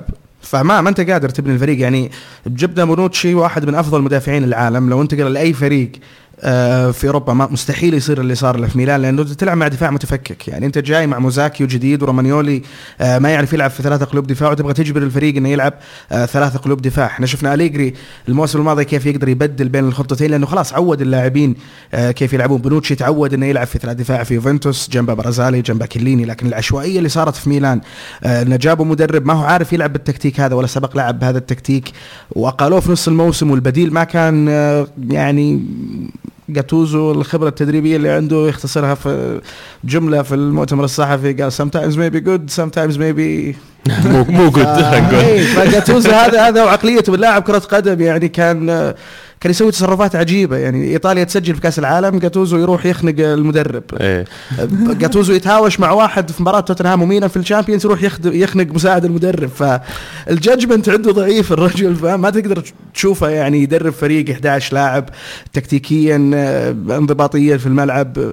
لما آه، القصة كانت واضحة لما الفريق اللي ما جاب ولا نقطة في تاريخه في السيريا A قدر يجيب نقطة على ميلان والحارس سجل الهدف عشان تجي النقطة هذه. ف- الطريقة اللي جت فيه يمكن مؤسفة كثير، أنا أتفق معك في جوانب كثير لكن يمكن مو في لوم جاتوزو نفسه، أعتقد أن الميلان ينقصهم مدرب عالمي عليه الكلام يقدر فعلا إنه يبني فريق، عنده الخبرة في بناء الفريق وتوظيف اللاعبين بالطريقة اللي هم يحتاجون يسويها، آه، أنشيلوتي عرضوا عليه الوظيفة إحنا كلنا عارفين لكن رفض أنه يستلم النادي خلال وسط الموسم، قال لو أبطالع عروضكم أو أطالعها خلال الصيف وما ألومه، أي مدرب كبير.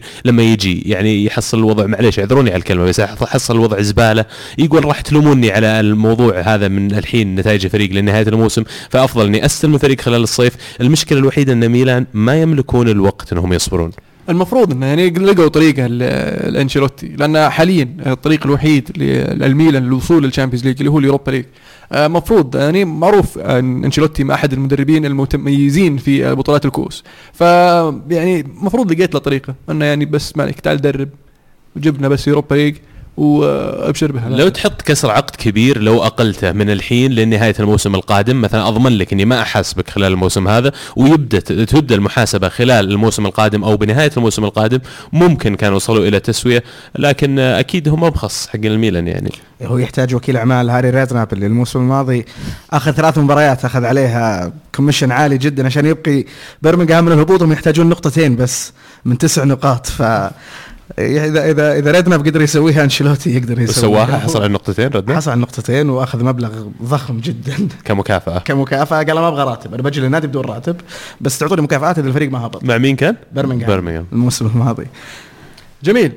آه نذكر بجدول الترتيب في الدوري الإيطالي بعد الجولة آه ال- ال- ال- ال- الجولة 17 آه نابولي في الصدارة ب 42 نقطة اليوفي في المركز الثاني ب 41 نقطة الإنتر ينزل المركز الثالث ب 40 نقطة روما في المركز الرابع ب 38 نقطة آه ايس ميلان في المركز الثامن ب 24 نقطة يعني فرق كبير آه بين بينه وبين ال- ال- ال top four في الدوري السعودي النصر يتعادل واحد واحد مع الفيصلي يعني كانت مباراة بين الثالث والرابع. والفيصلي مقدم مستويات رائعة هذا الموسم. آه لكن تتوقع من النصر أنه يعني يخطف الثلاث نقاط في هذه المباراة. والله للأسف النتائج ما على القدر المطلوب آه، ولا أداء اللاعبين على القدر المطلوب. جبور يعني من أحد الأجانب اللي قاعدين نعاني معهم على الرغم أن أغلى أجنبي موجود اللي حرام الصراحة بس إني أحزن على وجوده في الفريق آه، فوزير.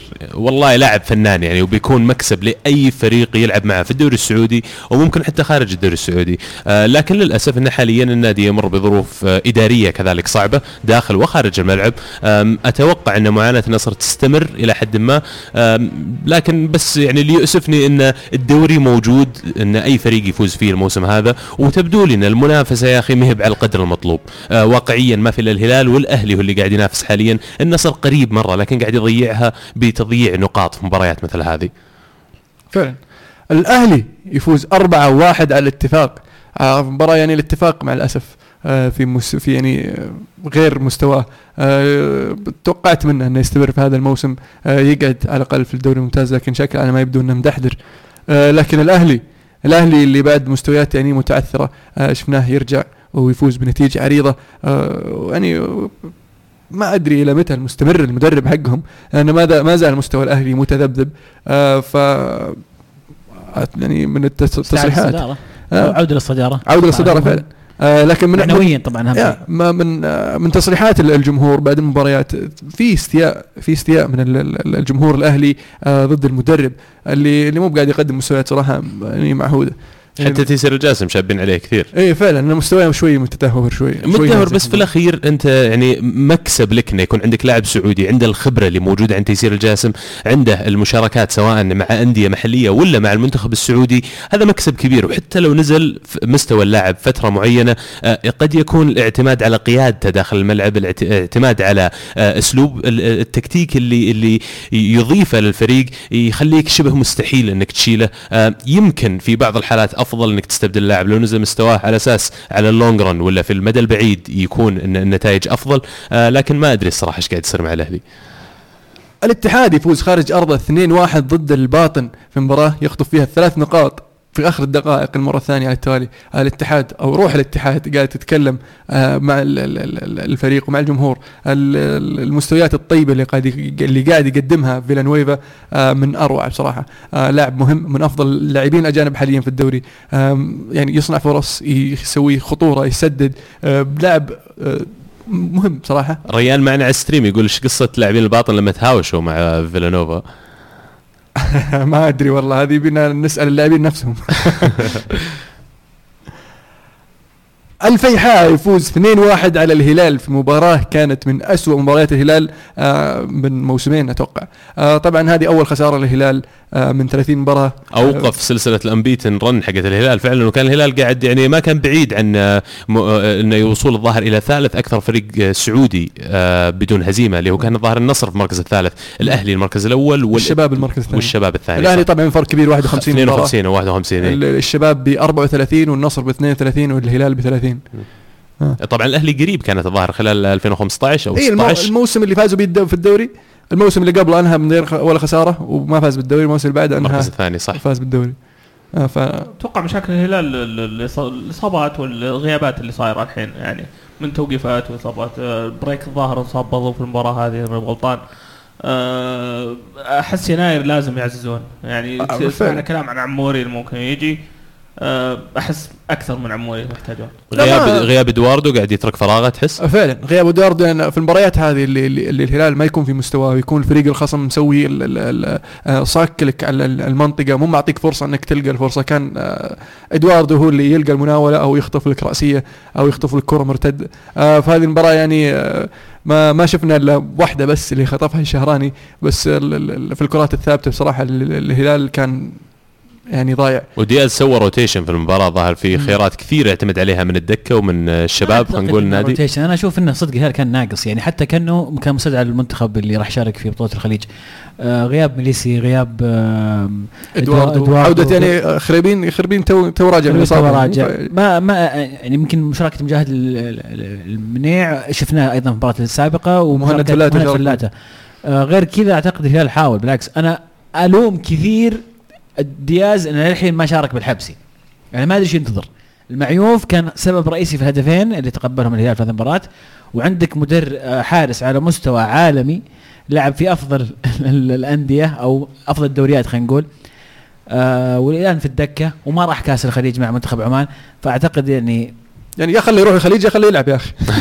ولا تنسى أن الفيحة كذلك استثمر الكثير في النادي خلال الصيف. فنادي مو بسيط إنك تستخف فيه تتوقع إنك بتدخل بالدكة وبتحقق نتيجة إيجابية. يعني يستاهلون الفيحة ال- ال- نتيجة المباراة هذه. فعلا قدموا مباراة كبيرة. استغلوا الست بيسز أو استغلوا الكرات الثابتة وسجلوا على الهلال هدف من آه، ركلة زاوية والثاني من فاول. الظاهر كرات ثابتة كلها. كلها كرات ثابتة. فاستغلوا ضعف الهلال خلينا نقول في ال- في الدفاع في مثل هذه الحالات. ومبروك لهم يستاهلون. يمكن يبغون يلحقون كثير لأن كانوا متوقعين راح يكون مركزهم أفضل بكثير الفيحة على الاستثمار اللي سووه أقل شيء. ولسه تونا يعني ما ما هم وقت فعلا لأن الفريق كان يحتاج له وقت أساس إن اللعيبة يلقمون مع بعض ويتفاهمون مع بعض. آه، مشاريع كم؟ 12 لاعب الظاهر. آه، نذكر بجدول الترتيب في الدوري السعودي بعد الجولة 14 الأهلي في الصدارة ب 28 نقطة. الهلال في المركز الثاني ب 12 مباراة 27 نقطة. النصر في المركز الثالث ب 24 نقطة، الفيصلي في المركز الرابع ب 13 مباراة ب 23 نقطة، الاتحاد يوصل المركز الخامس ب 22 نقطة، الشباب يخرج من مراكز الهبوط آه، في المركز 11 ب 16 نقطة. بطل بصل؟ أنا جاهز. أنا جاهز برضو. تبي تبدأ أنت؟ دامك لا لا تفضل. أنا بالنسبة لي بطل الأسبوع لازم آه، أعطيها السيتي اللي ما يمكن بطل الموسم. آه، بعد ما اكتسحوا توتنهام صراحة ما لازم أعطيهم بطل الأسبوع. بطل الأسبوع بالنسبة لي آه، الإنتر اللي خسر ثلاثة آه، ثلاثة واحد. ثلاثة واحد. ثلاثة واحد يا دفاعهم ما أدري إيش كان قاعد يسوي مع مو عارفين يغطون. آه، هدف الأسبوع لازم أعطيه فاول ألونسو صراحة. مم، عشان إيش تساوي ها. وأنا بقلدك أجل ببدأ بهدف الأسبوع. هدف الأسبوع بالنسبة لي مسعود أوزيل الهدف الرائع اللي سجله على نيوكاسل. volley ولا أروع يعني صعب إنك تتوقعها كحارس. فما بالك إنك تردها لما تكون متقنة لهالدرجة. بطل الأسبوع مهاجم اوغسبورغ اللي اسمه أنا قاعد أقرأ الاسم واضح أتوقع الحين فينبوغاسون. اللي سجل هاتريك آه عشان يتعادل اوغسبورغ ثلاث ثلاثة مع فرايبورغ في مباراة كانت مجنونة. الهدف الأول سجله في دقيقة واحد والهدف الثاني والثالث اللي كملوا له هاتريك دقيقة 91 و93 قدر إنه ين- ينتشل نقطة لفريقه من المباراة يستاهل بطل الأسبوع الجولة هذه والبصل أكيد ولا بد اي سي ميلان لاعب لاعب إلى المدرب على هزيمة 3-0 ضد فيرونا. في مباراة يعني أنت كان متوقع أقل شيء إنك تطلع فايز 1-0 2-0 آم، hard luck الميلانية.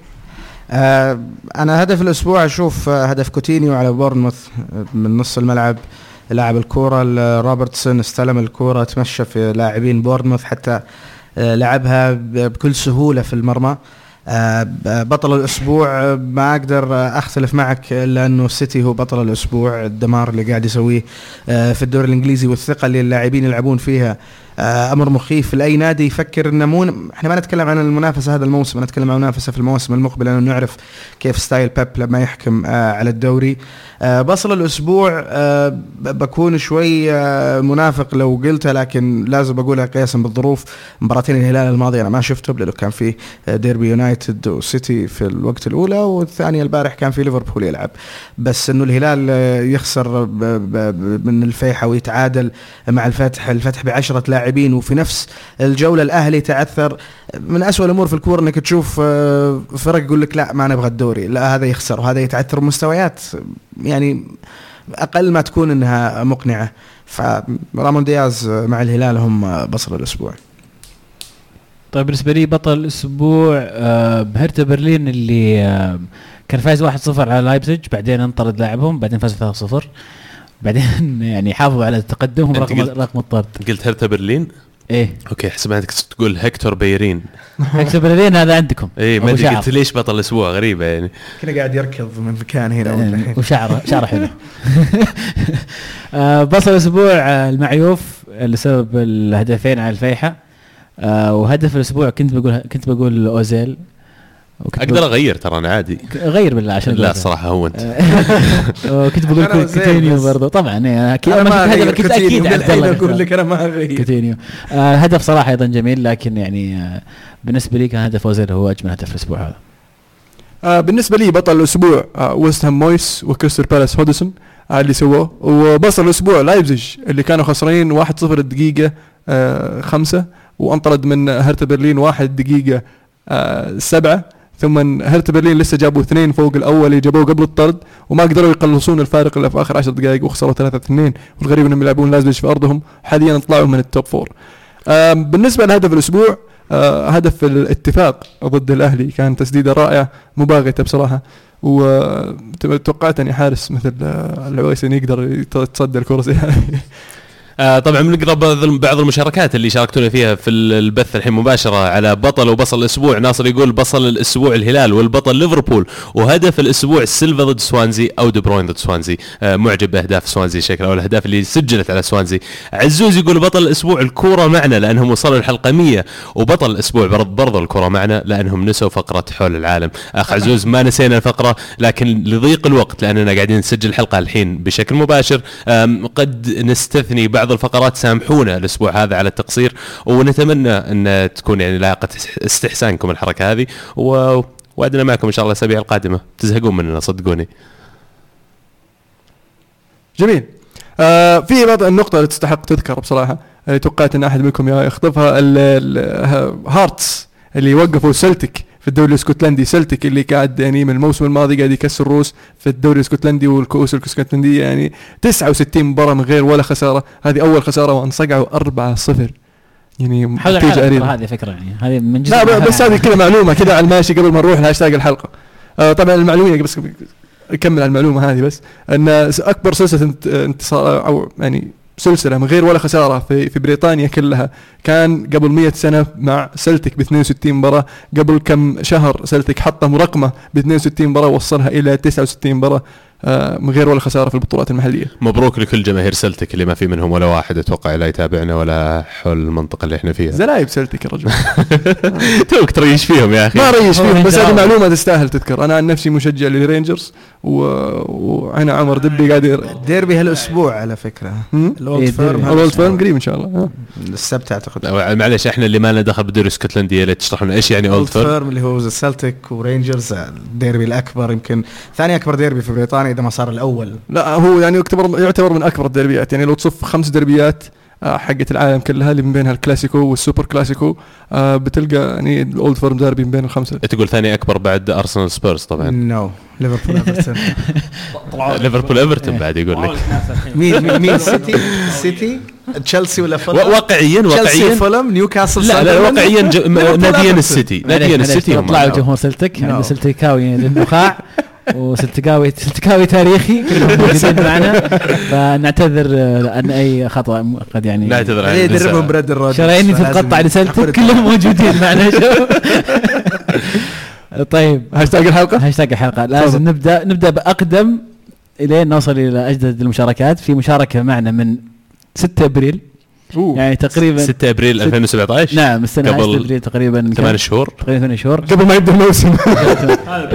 قبل ما ينتهي الموسم الماضي يا رجال. نعم حاط هاشتاج كوره كوره معنا 100 كاتب جو طبعا اسمه جون أرسنال يقول السلام عليكم مبروك الحلقة 100 وعقبال الحلقة 1000 وسؤالي هل فينجر تمت إقالته؟ والله هو غلطان إنه سأل سؤال مثل كذا يعني. still no إلى الآن لا لسه. في أيضا مشاركة من سليمان في أكتوبر 23 برضو يعني من من فتره يقول. مبروك. الحلقة 100 وسؤالي هل انطرد فينجر ولا لسه؟ الموضوع شخصي انت قاعد تقراها من عندك ولا صدق في هذه المشاركات والله, جد الهاشتاج هذا من الهاشتاج والله ما أدري يترولوني شكلهم الجماعة لكن فينجر باقي هو ومستمر السؤال الأزلي. هل لا تقول لي إلى متى. ما حد يعرف. واضح إنه ما حد يعرف يعني. لكن أنا دائما أقول راح يبقى ويبدو لي إنه راح يبقى للقريب العاجل أقل شيء. الموسم القادم راح يظل فينجر مدرب ثم ينت... على أساس ينتهي عقده في الصيف. مجدد. سنتين. فوز بال FA Cup ينعم عليك مجدد سنتين. أيضا عزيز يقول جميل البودكاست من يوم طحت فيه وأنا ما وقفت استمر. بمناسبة الحلقة سؤالي هو من أفضل خمس لاعبين على مر التاريخ؟ وهل في لاعبين في التاريخ تقدر تقارنهم بميسي وكريستيانو. بما أننا خمسة وش رأيكم كل واحد يعطي اسم؟ ما مارادونا. يتكرر كرويف. سرقت اسمي. لا أنا قاعد أنا قاعد انتظر تخلصون عشان أحط الخامس. إيه أنا بقول زيدان. كرويف. بيليه؟ أدري بك يعني أتوقع ما حد ذكره. بس مع الأسف إنه يعني أنا كنت أتمنى إنه لح- تابعت كرويف زي ما أنا أتابع ميسي ورونالدو عشان أقدر أقول wow كرويف. يعني تسمع أقول لك غير الكورة يلعبون مش عارف إيش. فعلا لأنه في برضه في أسماء يعني زي ستيفن وبوشكاش هذول يعني في الخمسينات والستينات كانوا يعني من قد خلاص هذا إيه ف بس أنا قريت معلومة يعني مخيفة ال- الكورة في الأربعينات والخمسينات إنه أغلب الأندية ترى كانت تلعب مدافعين بس. آه فما مو بكورة هذه يعني معليش. لا كان إذا اثنين مهاجمين هجوم. اي إذا أربع هجوم. لأن الكرة يعني بيلي وجنبي ثلاثة مهاجمين وما قدام إلا مدافعين. ف- ما أسجل أنا فعلا ليش يقول لك الكرة الإنجليزية كره كرات طويلة؟ ما في offside thank you ليش يقول لك الكرة الإنجليزية كرات طويلة؟ لأن أول ما بدأت في إنجلترا الكورة كان يلعبون مهاجمين مدافعين والباقي قدام فأمسك الكوره وارمها قدام يلا ألعب هذا اللي يلعب مورينيو مع يونايتد حتى من خال وحتى مويس فان خال possession football إيش possession football؟ Possession. إيه لما دخل لك في. بال possession إذا football لما دخل دخل لك فيلايني كلهم يسوونها من مويز يتعلموها تعقيبا بس أنا بالنسبة لي الأساطير هذول ليش أساطير؟ مو عشان طريقة اللعب عشان هذا الشخص كان فذ في وقته بين اللي حوله، إذا هذا الشخص برز بين اللي حوله أكيد إنه هو مميز، طبيعي لو جبناه اليوم يمكن ما يكون نفس اللاعب لكن في عصره هو كان هو المميز وكان هو ال- ال- الأبرع. لذلك لذلك إحنا محظوظين إن عندنا اثنين قاعدين. وأتوقع عشان كذا ما تكلمنا عنهم لأنهم حاليا يلعبون نتكلم عن ميسي ورونالدو. حاليا يلعبون ما بعد خلصت مسيرتهم. بنهاية المسيرة يحكم على اللاعب وبغيابه يعرف قدره انه قد إيش فقدت الكرة. شوف رونالدينيو. بالضبط بالضبط سرقت الاسم من لساني. عبد الله يقول مبروك وصلكم حلقة 100 وبصراحة من أفضل البودكاستات اللي أسمعها وكثير أست- أستمتع بتعليقاتكم وافتخر إني ما فوت لكم ولا حلقة بس لو تخفون على الميلان شوي. حبيبنا عبد الله والله وإحنا كذلك معتزين ومتشرفين إننا معاكم ل 100 حلقة وما نستغني عن ولا واحد من المتابعين والمستمعين. آه نفتخر بآرائكم كثير وبتعليقاتكم. عد موضوع إن نخف على الميلان صدقني والله الموضوع مو بشخصي. أنا كذلك أميل للميلان في إيطاليا وأحب الميلان لكن نحاول نقول الموضوع زي ما نشوفه نحاول ننتقد بالأشياء اللي نعتقدها فعلا ونوصل لك وجهة نظرنا.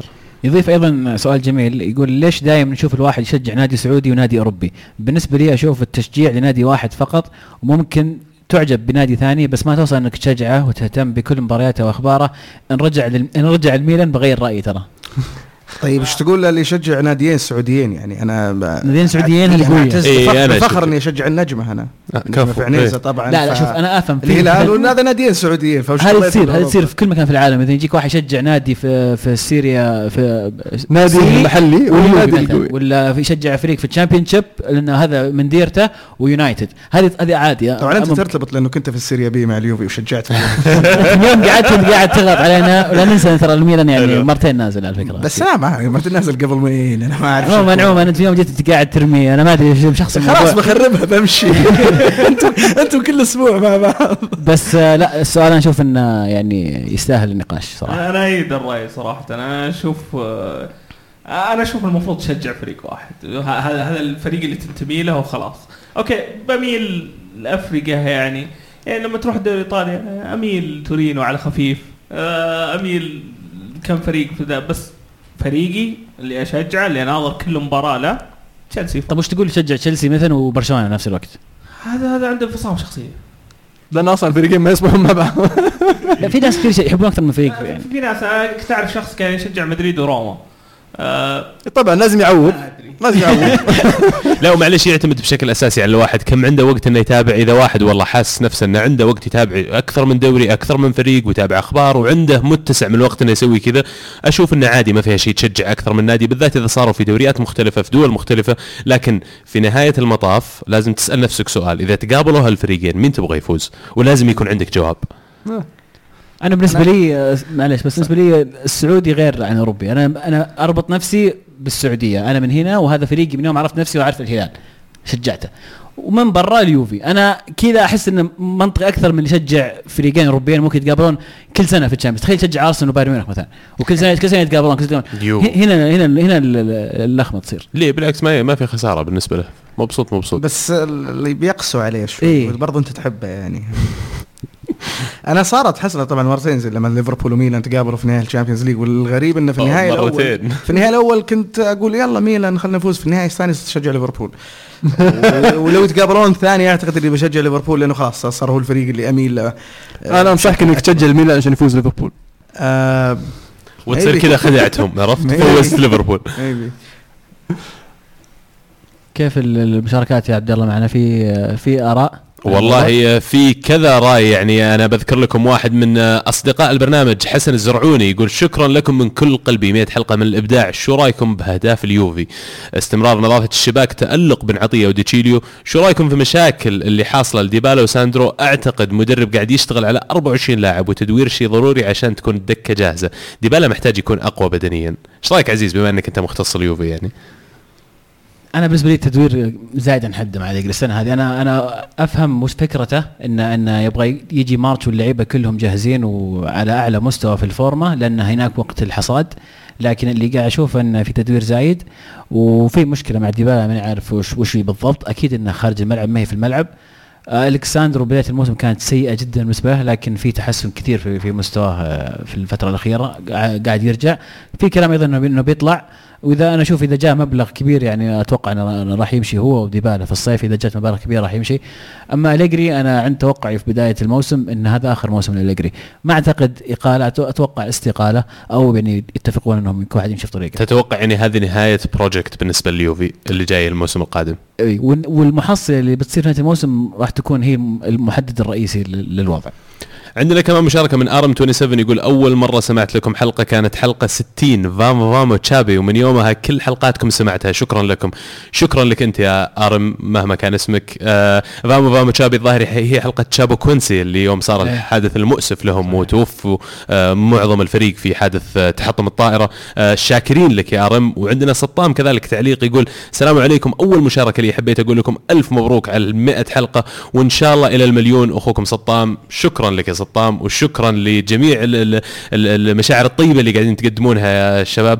آه كمان مونستر يقول بودكاست رياضي راقي بالطرح والنقد عفوي وعقبال ألف حلقة ومن تقدم إلى تقدم أنا مستمع دائما بس مشكلتي ما أشارك. آه مونستر شارك يا أخي ليش لا؟ ترى منا بنعض ولا آه، متوحشين. ننبسط لما نشوف مشاركاتكم. وهي الشيء ترى اللي يخلينا نكمل حلقة عن حلقة أسبوع عن أسبوع ساعة عن ساعة نستثمر ونحط من وقتنا. آه، على أساس نقدم لكم آه، مادة فعلا ترتقي للأشياء اللي أنتم تستاهلونها. وشكرا لمشاعركم يا شباب. عبد الله يقول هل يستطيع بيب كسر رقم مورينيو في عدد النقاط 2005 95 نقطة. وهل يستطيع كسر رقم فينجر في تحقيق دوري ذهبي؟ شخصيا أشوف يقدر يكسر رقم مورينيو لكن فينجر لا. أيضا شبيح مورينيو يقول ما هي وجهة special 1 بعد يونايتد وكم سيمكث في يونايتد وماذا سيحقق مع اليونايتد؟ وألمو يسوي نفسه ما يسمع السؤال. أحقق الكثير إن شاء الله. كم سيمكث مع اليونايتد؟ السنة الجاية إن شاء الله ويورينا عرض كتافه البديل البديل. بعد لين جاء وقتها إن شاء الله بيكون في بدلاء. تصير زي سالفة فيرجسون بعدين يجيك مويس ترى. ما سمعت اللي يقول توني بوليس. أنا واحد, واحد زعلان من مورينيو. ليش مورينيو قاعد يدربنا؟ ورا ما تطلع يا أخي. قال له طيب ال- قال له تجيب مين؟ علمني مين مين أحسن من مورينيو الحين؟ قال جيب توني بوليس فاضي. ممكن. نفس الفكر. كلهم دفاعيين يلعبون كرات طويلة. آه إبرة يقول السلام عليكم ألف مبروك يا شباب على المية حلقة منها للأعلى يا رب. اذكروا لي أفضل ثلاث لاعبين من وجهة نظركم. تغير مركزه وصار أفضل عالميا ومحليا. لاعب غير مركزه؟ إيه. بيرلو. بيرلو أنا أشوف هو أول اسم يجي في بالي. آه تييري هنري هنري مم. آه في في خيارات كثيرة. آه إذا تعتبر ماسكرانو آه، لأن آه، مهما كان مستواه حاليا النجاح اللي حققه undeniable يعني. محققه كمدافع برضه صح. وديفيد لويز آه، لفتره معينة إذا اعتبرت إنه لما لعب ك CDM ولا كمحور. بس ما يصير ناجح يعني لأنه ما تغير ظل ديفيد لويس بلاي ستيشن ها؟ هو أنا كنت بقول بيرلو بس آه، بكثر الأسماء اللي قالها عبد الله حاول أتذكر حاول أتذكر. في موسم لعبه جيرارد في, مركز غريب مع ليفربول وأخذ جائزة أفضل لاعب في الدوري. لعب تقريبا وسط أيمن مع رافا بينيتز مركز ما لعب فيه ستيفي أبد و... لما كان مع فرناندو توريس؟ لما كان مع توريس. ما كان وراه يلعب؟ لا كان يلعب في الجناح اليمين. كان لوتشو غارسيا يلعب ورا آه، كان يلعب في النص لويس مم. غارسيا فجيرارد كان يلعب على الطرف اليمين وكان يقول كنت أكره المركز لأنه أنا أفضل يعني في المحور هو أفضل إيه. مركز عندي لأنه أحب آخذ الكورة وأحب أبني الهجمة بس في الموسم هذا كان أفضل لاعب في الدوري ستيفي. محليا عندي اسم شاطح شوي خالد عزيز. وش كان وكيف صار كان محور؟ ظهير خالد عزيز. what إيه. صحيح صحيح. كان ظهير وبعدين تحول إلى محور وكان من أنجح المحاور في, في الفترة اللي لعب فيها. طيب مين اللاعبين اللي دوروا محا... م- مراكز كثيرة وفشلوا فيها كلها؟ لا أنا يعني أنا أقدر أعطيك بوريني. الحين أنا أقدر أعطيك بوريني الحين. بوريني. لعبوه في كل مكان في ميلان المسكين. في مالديني ظهير وقلب كلنا كلنا نجح فيهم. الموست بس ما غير مركزه ونجح. هو كان ناجح على اليسار قاموا تعال طيب شوف يمكن تزبط هنا ونجح والله ازبلكوتا كليني. سيزار صح. كليني بدأ ظهير ترى. راكان العمودي معنا كمان على ال stream يقول ميسي من الجناح لل false nine أو هو من الجناح إلى مركز السنترال وفعلا فعلا سجل يعني أهداف عدد آه، رونالدو؟ لا محدود. رونالدو center forward الراس حربة كلاسيكي. محمد نور. بس لما ما تشوفه- شفنا ما يا رجل قدم نجاح يعني زي مانشستر- ما لما تشوفه في مانشستر على الجناح يقعد يسوي حركات عجيبة برجلينه كان يستهبل. بعدين يجي أشلي كول يحصده ويطير الموضوع وخلاص.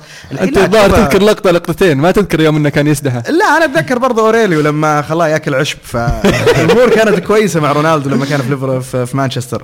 سواريز. بس آه، حول center forward.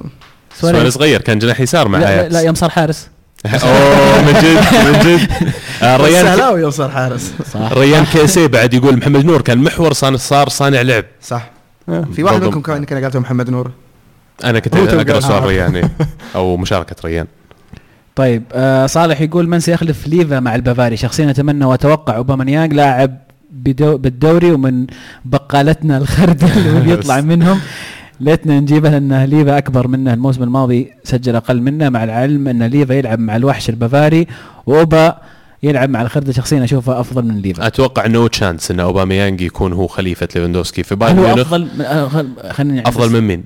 من ليفاندوسكي لا لا لا لا. ليفاندوفسكي رقم واحد كرأس حربة في العالم حاليا لا يقترب منه أي مهاجم ثاني. يعني لكن لأنه موجود في الدوري. الألماني حتى كفاني لأنه موجود في الدوري الألماني وبعيد عن الأنظار شوي عن الدوري الإنجليزي والدوري الإسباني بشكل خاص. أتوقع عشان كذا يمكن الهالة اللي عليه مب بالحجم اللي المفروض تصير. طيب. لا، أنا حالياً يعني بالمستوى- رونالدو ما تعتبره رأس حربة؟ لا ما اعتبره رأس حربة. وش المركز اللي يلعب فيه رونالدو في ريال مدريد؟ أنا أشوف إنه رأس حربة صريح. هو يلعب رأس حربة صريح لكن صريح علمني. وش سوى من راس حربة صريح؟ يعني الموسم الماضي في هذا الوقت وقاعد يلعب سجل- جناح سجل لي 20 هدف. سجل هاتريك في ال Champions League في نصف النهائي في ربع النهائي سجل في النهائي هو رأس حربة. لعب أفضل موسم في مسيرته هو رأس حربة رونالدو. ما بدا موسم را- رأس حربة ترى. آه ب- ما أتذكر كيف كان بادئ الموسم تمام- تماما الموسم الماضي ما كنت أتابع ريال مدريد. كثرة بس واحدة سي من النقاط. اللي كان يركز عليها زيدان قال إنه أنا أبغى أحتاج يعني منك أقل مجهود ممكن في الملعب وببدلكم مباريات كثير لأنه نهاية الموسم اللي شفته منك في السنوات الماضية نهاية الموسم يكون في drop في المستوى drop فني drop بدني. تعب شوية فلما طبق السياسة هذه شفنا كيف تفجر الموسم الماضي ولا مرة في مسيرته حتى لما كان في عز شبابه مع يونايتد سجل في ربع نهائي نصف نهائي ونهائي وقدر يسويها الموسم الماضي فأنا يعني أتفق إن ليفاندوفسكي مع رونالدو مع مهاجم واحد ممكن تقدر تختاره أنت أشوفهم الثلاثه الإليت في العالم ما كفاني حاليا. بالنسبة لي. صح، ممكن كفاني كفاني واحد. يقول لك كفاني واحد يقول لك هيجوايين أنا لا لا الموسم. هذا نحكي عن الموسم هذا خل الموسم. الماضي الموسم. هذا يعني كفاني ترى حاليا هو الأفضل من ناحية رقم تسعة مهاجم يعني. آه شكرا يا عبد الرحمن شكرا يا أيضا ماستر عبد الرحمن آم كلهم طبعا يباركون بالحلقة المية أيضا خالد يقول السلام عليكم. هل يونايتد قادر على الوصول بعيدا في دوري الأبطال بما أن الدوري صعب؟ وما هي مشاكل ميلان؟ لأن باعتقادي لم يكن من المدرب فقط. وشكرا على الحلقة 100 ومن تقدم إلى تقدم. شكرا يا خالد. يونايتد آه، يوصل بعيد في دوري الأبطال يا المو. الدور الثمانية إذا تعتبر دور الثمانية بعيد فيا أنت تعتبر بعيد؟ أنا ما أعتبره بعيد أعتبره هو يعني لا. مستوى ال- ال- اليونايتد هذا الموسم. ال- يعني أنا أعتقد انه إذا سيميوني قدر يوصل نهائي Champions League مورينيو عنده القدرة إنه يوصل نهائي Champions League بال squad الموجود عنده بس يحتاج بوجبا يرجع لأن آه، بوجبا أنا بصراحة عندي نظرة مختلفة تماما عنه بس اللي واضح الموسم هذا إن يونايتد يحتاجه كثير وبدون يونايتد في في معاناة. كثيرة. في معاناة. وحتى إصابة فيلايني هي اللي ضرت أكثر طبعا من غياب بوجبا لأنه فيلايني ما يخطي بوجبا يخطي. فيلايني صحيح. يحط له كرة فوق بينزلها لكن creativity و passing كذا لا ما عنده الرجال. آه بس أعتقد يونايتد ممكن يوصل لأنه ال Champions League بطولة تحتاج تحتاج عوامل كثيرة كثيرة تعتمد عليها العوامل. المباراة واتذكر كان في حلقة يمكن عنوانها جزئيات صغيرة من حقات البودكاست في الحلقات الماضية. ال Champions League تعتمد على هالجزئيات طيب بس بسألك الحين ال- اليونايتد الحين مع اشبيليا في دور 16 اشبيليه خطير؟ إي خطير فعلا. يعني إذا عديته فانت يعني طلعت من آه، شو اسمه آه، وش يسمونها؟ عنق الزجاجة. ال- أي خلينا نقول عنق الزجاجة. آه إذا وصلت دور الثمانية يعني الفرق اللي راح تكون خيارات عندك راح تصير اصعب أي فريق وفي يومك خيارات كلها راح تكون أصعب. اللاعبين الموجودين عندك يعني ال- ال- المستوى اللي لعبه يونايتد ضد أرسنال الموسم هذا. بغض النظر عن بعض الأخطاء السخيفة من دفاع أرسنال بس أعتقد يونايتد بالطريقة هذه يقدر يهزم أي فريق في أوروبا لأنه ممكن أي مدافع يخطي في أي يوم. فأنت لما تلعب برشلونة فلنفترض ضد يونايتد الضغط العالي على الدفاع آه، ممكن آه، break صغير من لينغارد من مارشال من لوكاكو يعني العناصر موجودة أنها تلعب بال style هذا. والدفاع ودخيا قادر إنه يتحمل آه، بعبء كبير. يعني التصديات اللي يسويها دخيا في الدوري السنوات الثلاث الماضية okay يونايتد كان غايب عن ال Champions League لكن نقدر نشوفها في ال Champions League. ال quality اللي اللي يقدمه حارس مثل ديفيد دخيا ممكن يجيب لك بطولات. ما شفت مباراة السيتي طيب؟ لما جاك opposition ولا لما جاك فريق مقابل على نوعية عالية جدا أحرجوا أسلوب اللعب اللي أنت تلعب فيه. ما لعب مباراة الطريقة. دوري سيتي في مباراة دوري ما هي ما هي خروج مغلوب، خروج المغلوب لها حسابات ثانية، خروج المغلوب النتيجة 2-1 ما تكون ممكن سيئة ليونايتد فلنفترض لو كانت آه، في الاتحاد. أنا قدرت أسجل أنا قفلت وهذا اللي بيكون هذا اللي بيحصل يعني ما راح يفتح اللعب مورينيو. ممكن أسجل منها هدف زي هدف راشفورد حصلت فرصة ثانية آه، إدرسون تألق في تصدي لوكاكو. ف أنا بطولة زي ال Champions League ما أستبعدها على أي فريق يلعب في أوروبا قادر إنه يفرض أسلوبه في الملعب. واللي أشوف إنه يونايتد يقدر يفرض أسلوبه في الملعب.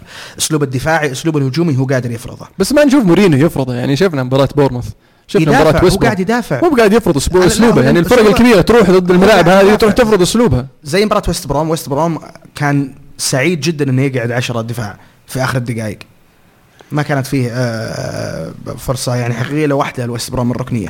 مورينيو ممكن يقعد كذا 90 دقيقة في ال Champions League ويعتمد على break. عموما الحديث ممكن يطول أكثر على مانشستر يونايتد. أتوقع لو نسوي لكم بودكاست آه، مانشستر ضد ليفربول تعبونه يعني. hours بنتكلم ممكن عندنا ممكن نسوي vlog المباراة الجاية. ما عندي مشكلة. أنا في هذه ما عندي مشكلة. عندنا مشاركة من أبو شهر في, ال- في ال live آه، stream يقول بمناسبة حلقة 100 هل في راعي للبودكاست جاي قريب؟ والله أبو شهر علمنا علمك. إحنا ما زلنا م- م- خلينا نقول متقبلين لفكرة الحصول على راعي.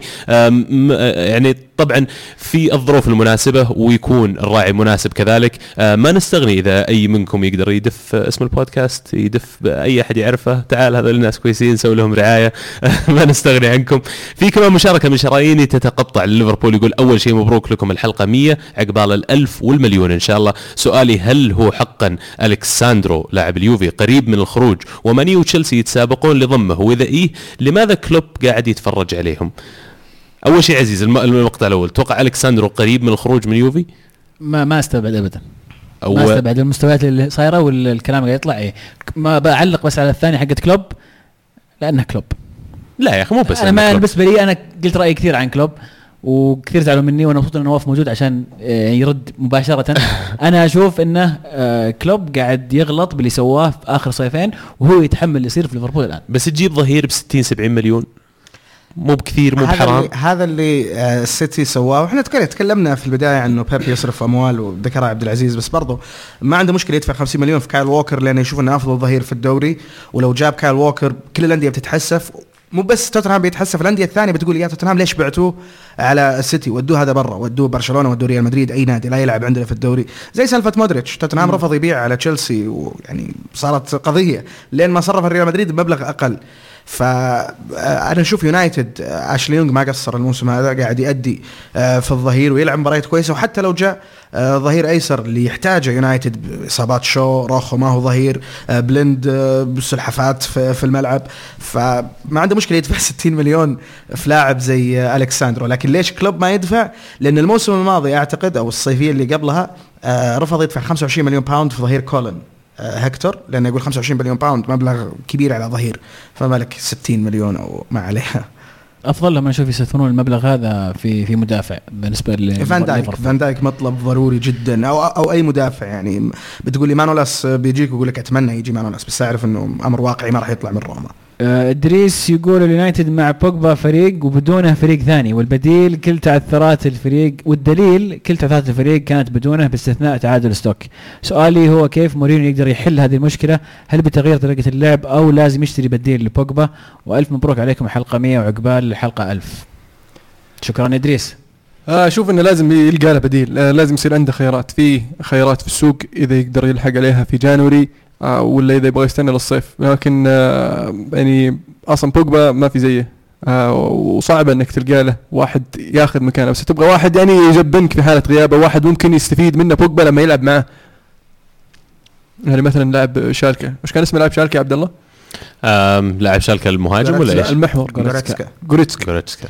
هذا بناخذه ان شاء الله بنتهاوش معكم عليه والله في انديه كثيره تبغى وببلاش عرفت الصغير وعمره 22 سنه وقاعد يقدم مستويات رائعه حتى ميسي شبهها بإنييستا وبرشلونه واليونايتد اليونايتد وارسنال اليوفي حتى دخلت الانديه الكبيره واليوفي حول على إمري لأنه اليوفي اللاعب اللي يجي مجاني هذا يحبونه إيه ما عنده ببلاش. إيه. والله. سمارت بزنس تاخذه ببلاش. عرفت. وينباع الصيف اللي بعده. على طول تبيع ب برافو، 60 ولما تشوف 70 الاسماء مليون اللي جابوها يعني قدروا يبنوا فريق فيها.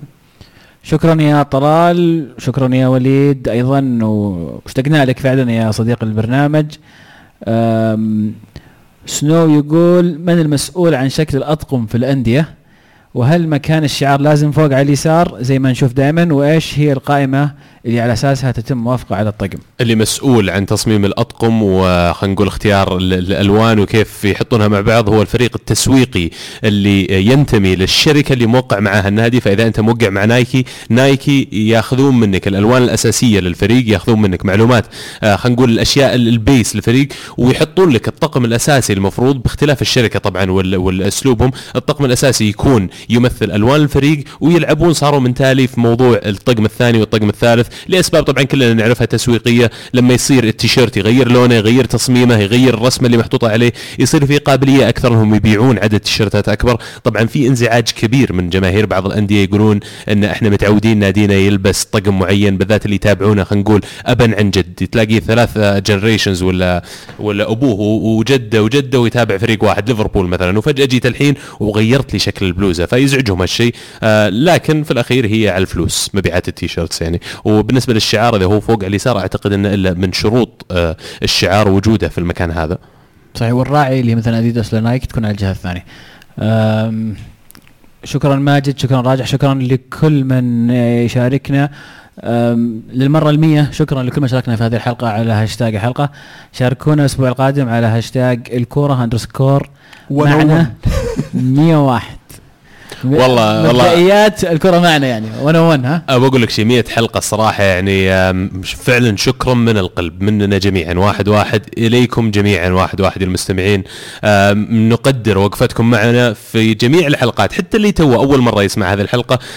نتشرف فيك كضيف جديد كمستمع جديد وإن شاء الله أنكم كمان يعني spread the word علموا أخوياكم حاول retweet شيء ساعدونا يعني. ما نستغني. أتوقع ما بقى شيء واحد. وشو؟ بقى السحب. أوه بغينا ننسى والله بغينا نقفل الحلقة.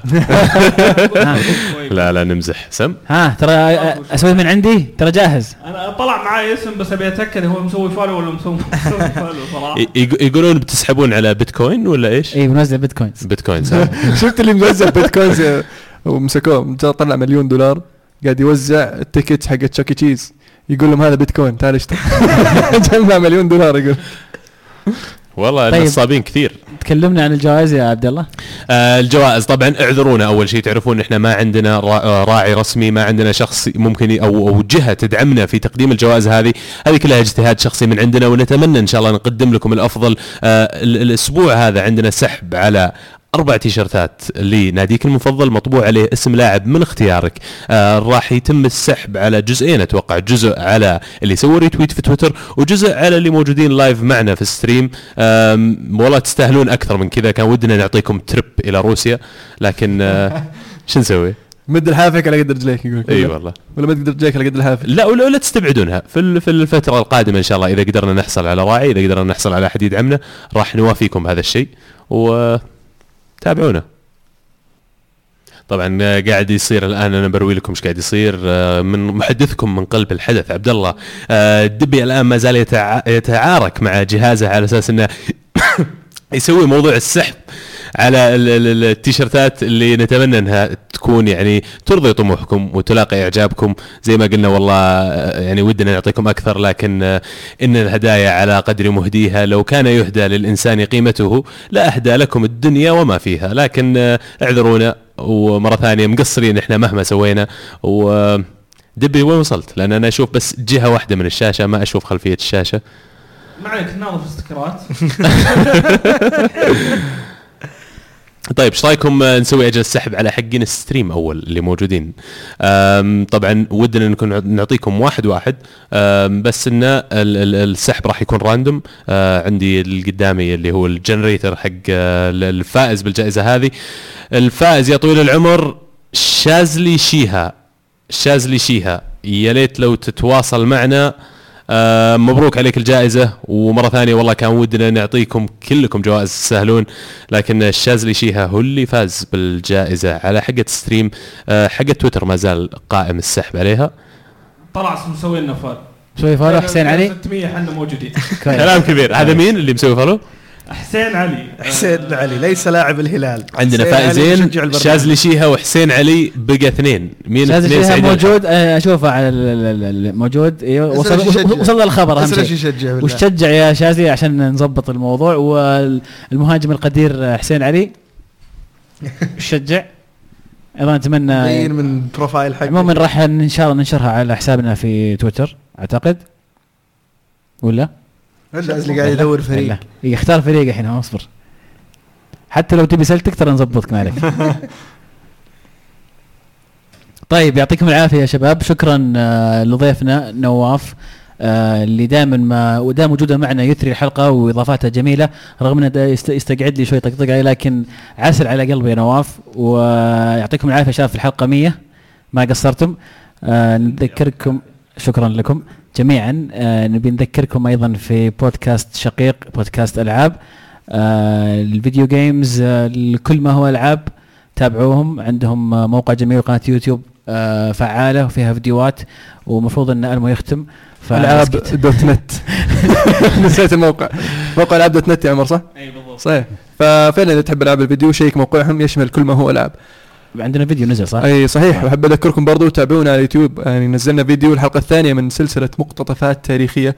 آه إن شاء الله يعجبكم. أعطونا رأيكم في ال في, ال في ال comments آه إذا حبيت الفيديو وش اللي ما حبيته شو ممكن نقدم أفضل؟ آه شو ممكن نتطور؟ آه تابعونا على تويتر ساوند كلاود آيتونز سناب شات آه، ال ال ال ال اليوتيوب برضو. مش غلط. مرة ثالثة نأكد اليوتيوب. كانت الكره معنا. الحين الكره معكم. فما الله.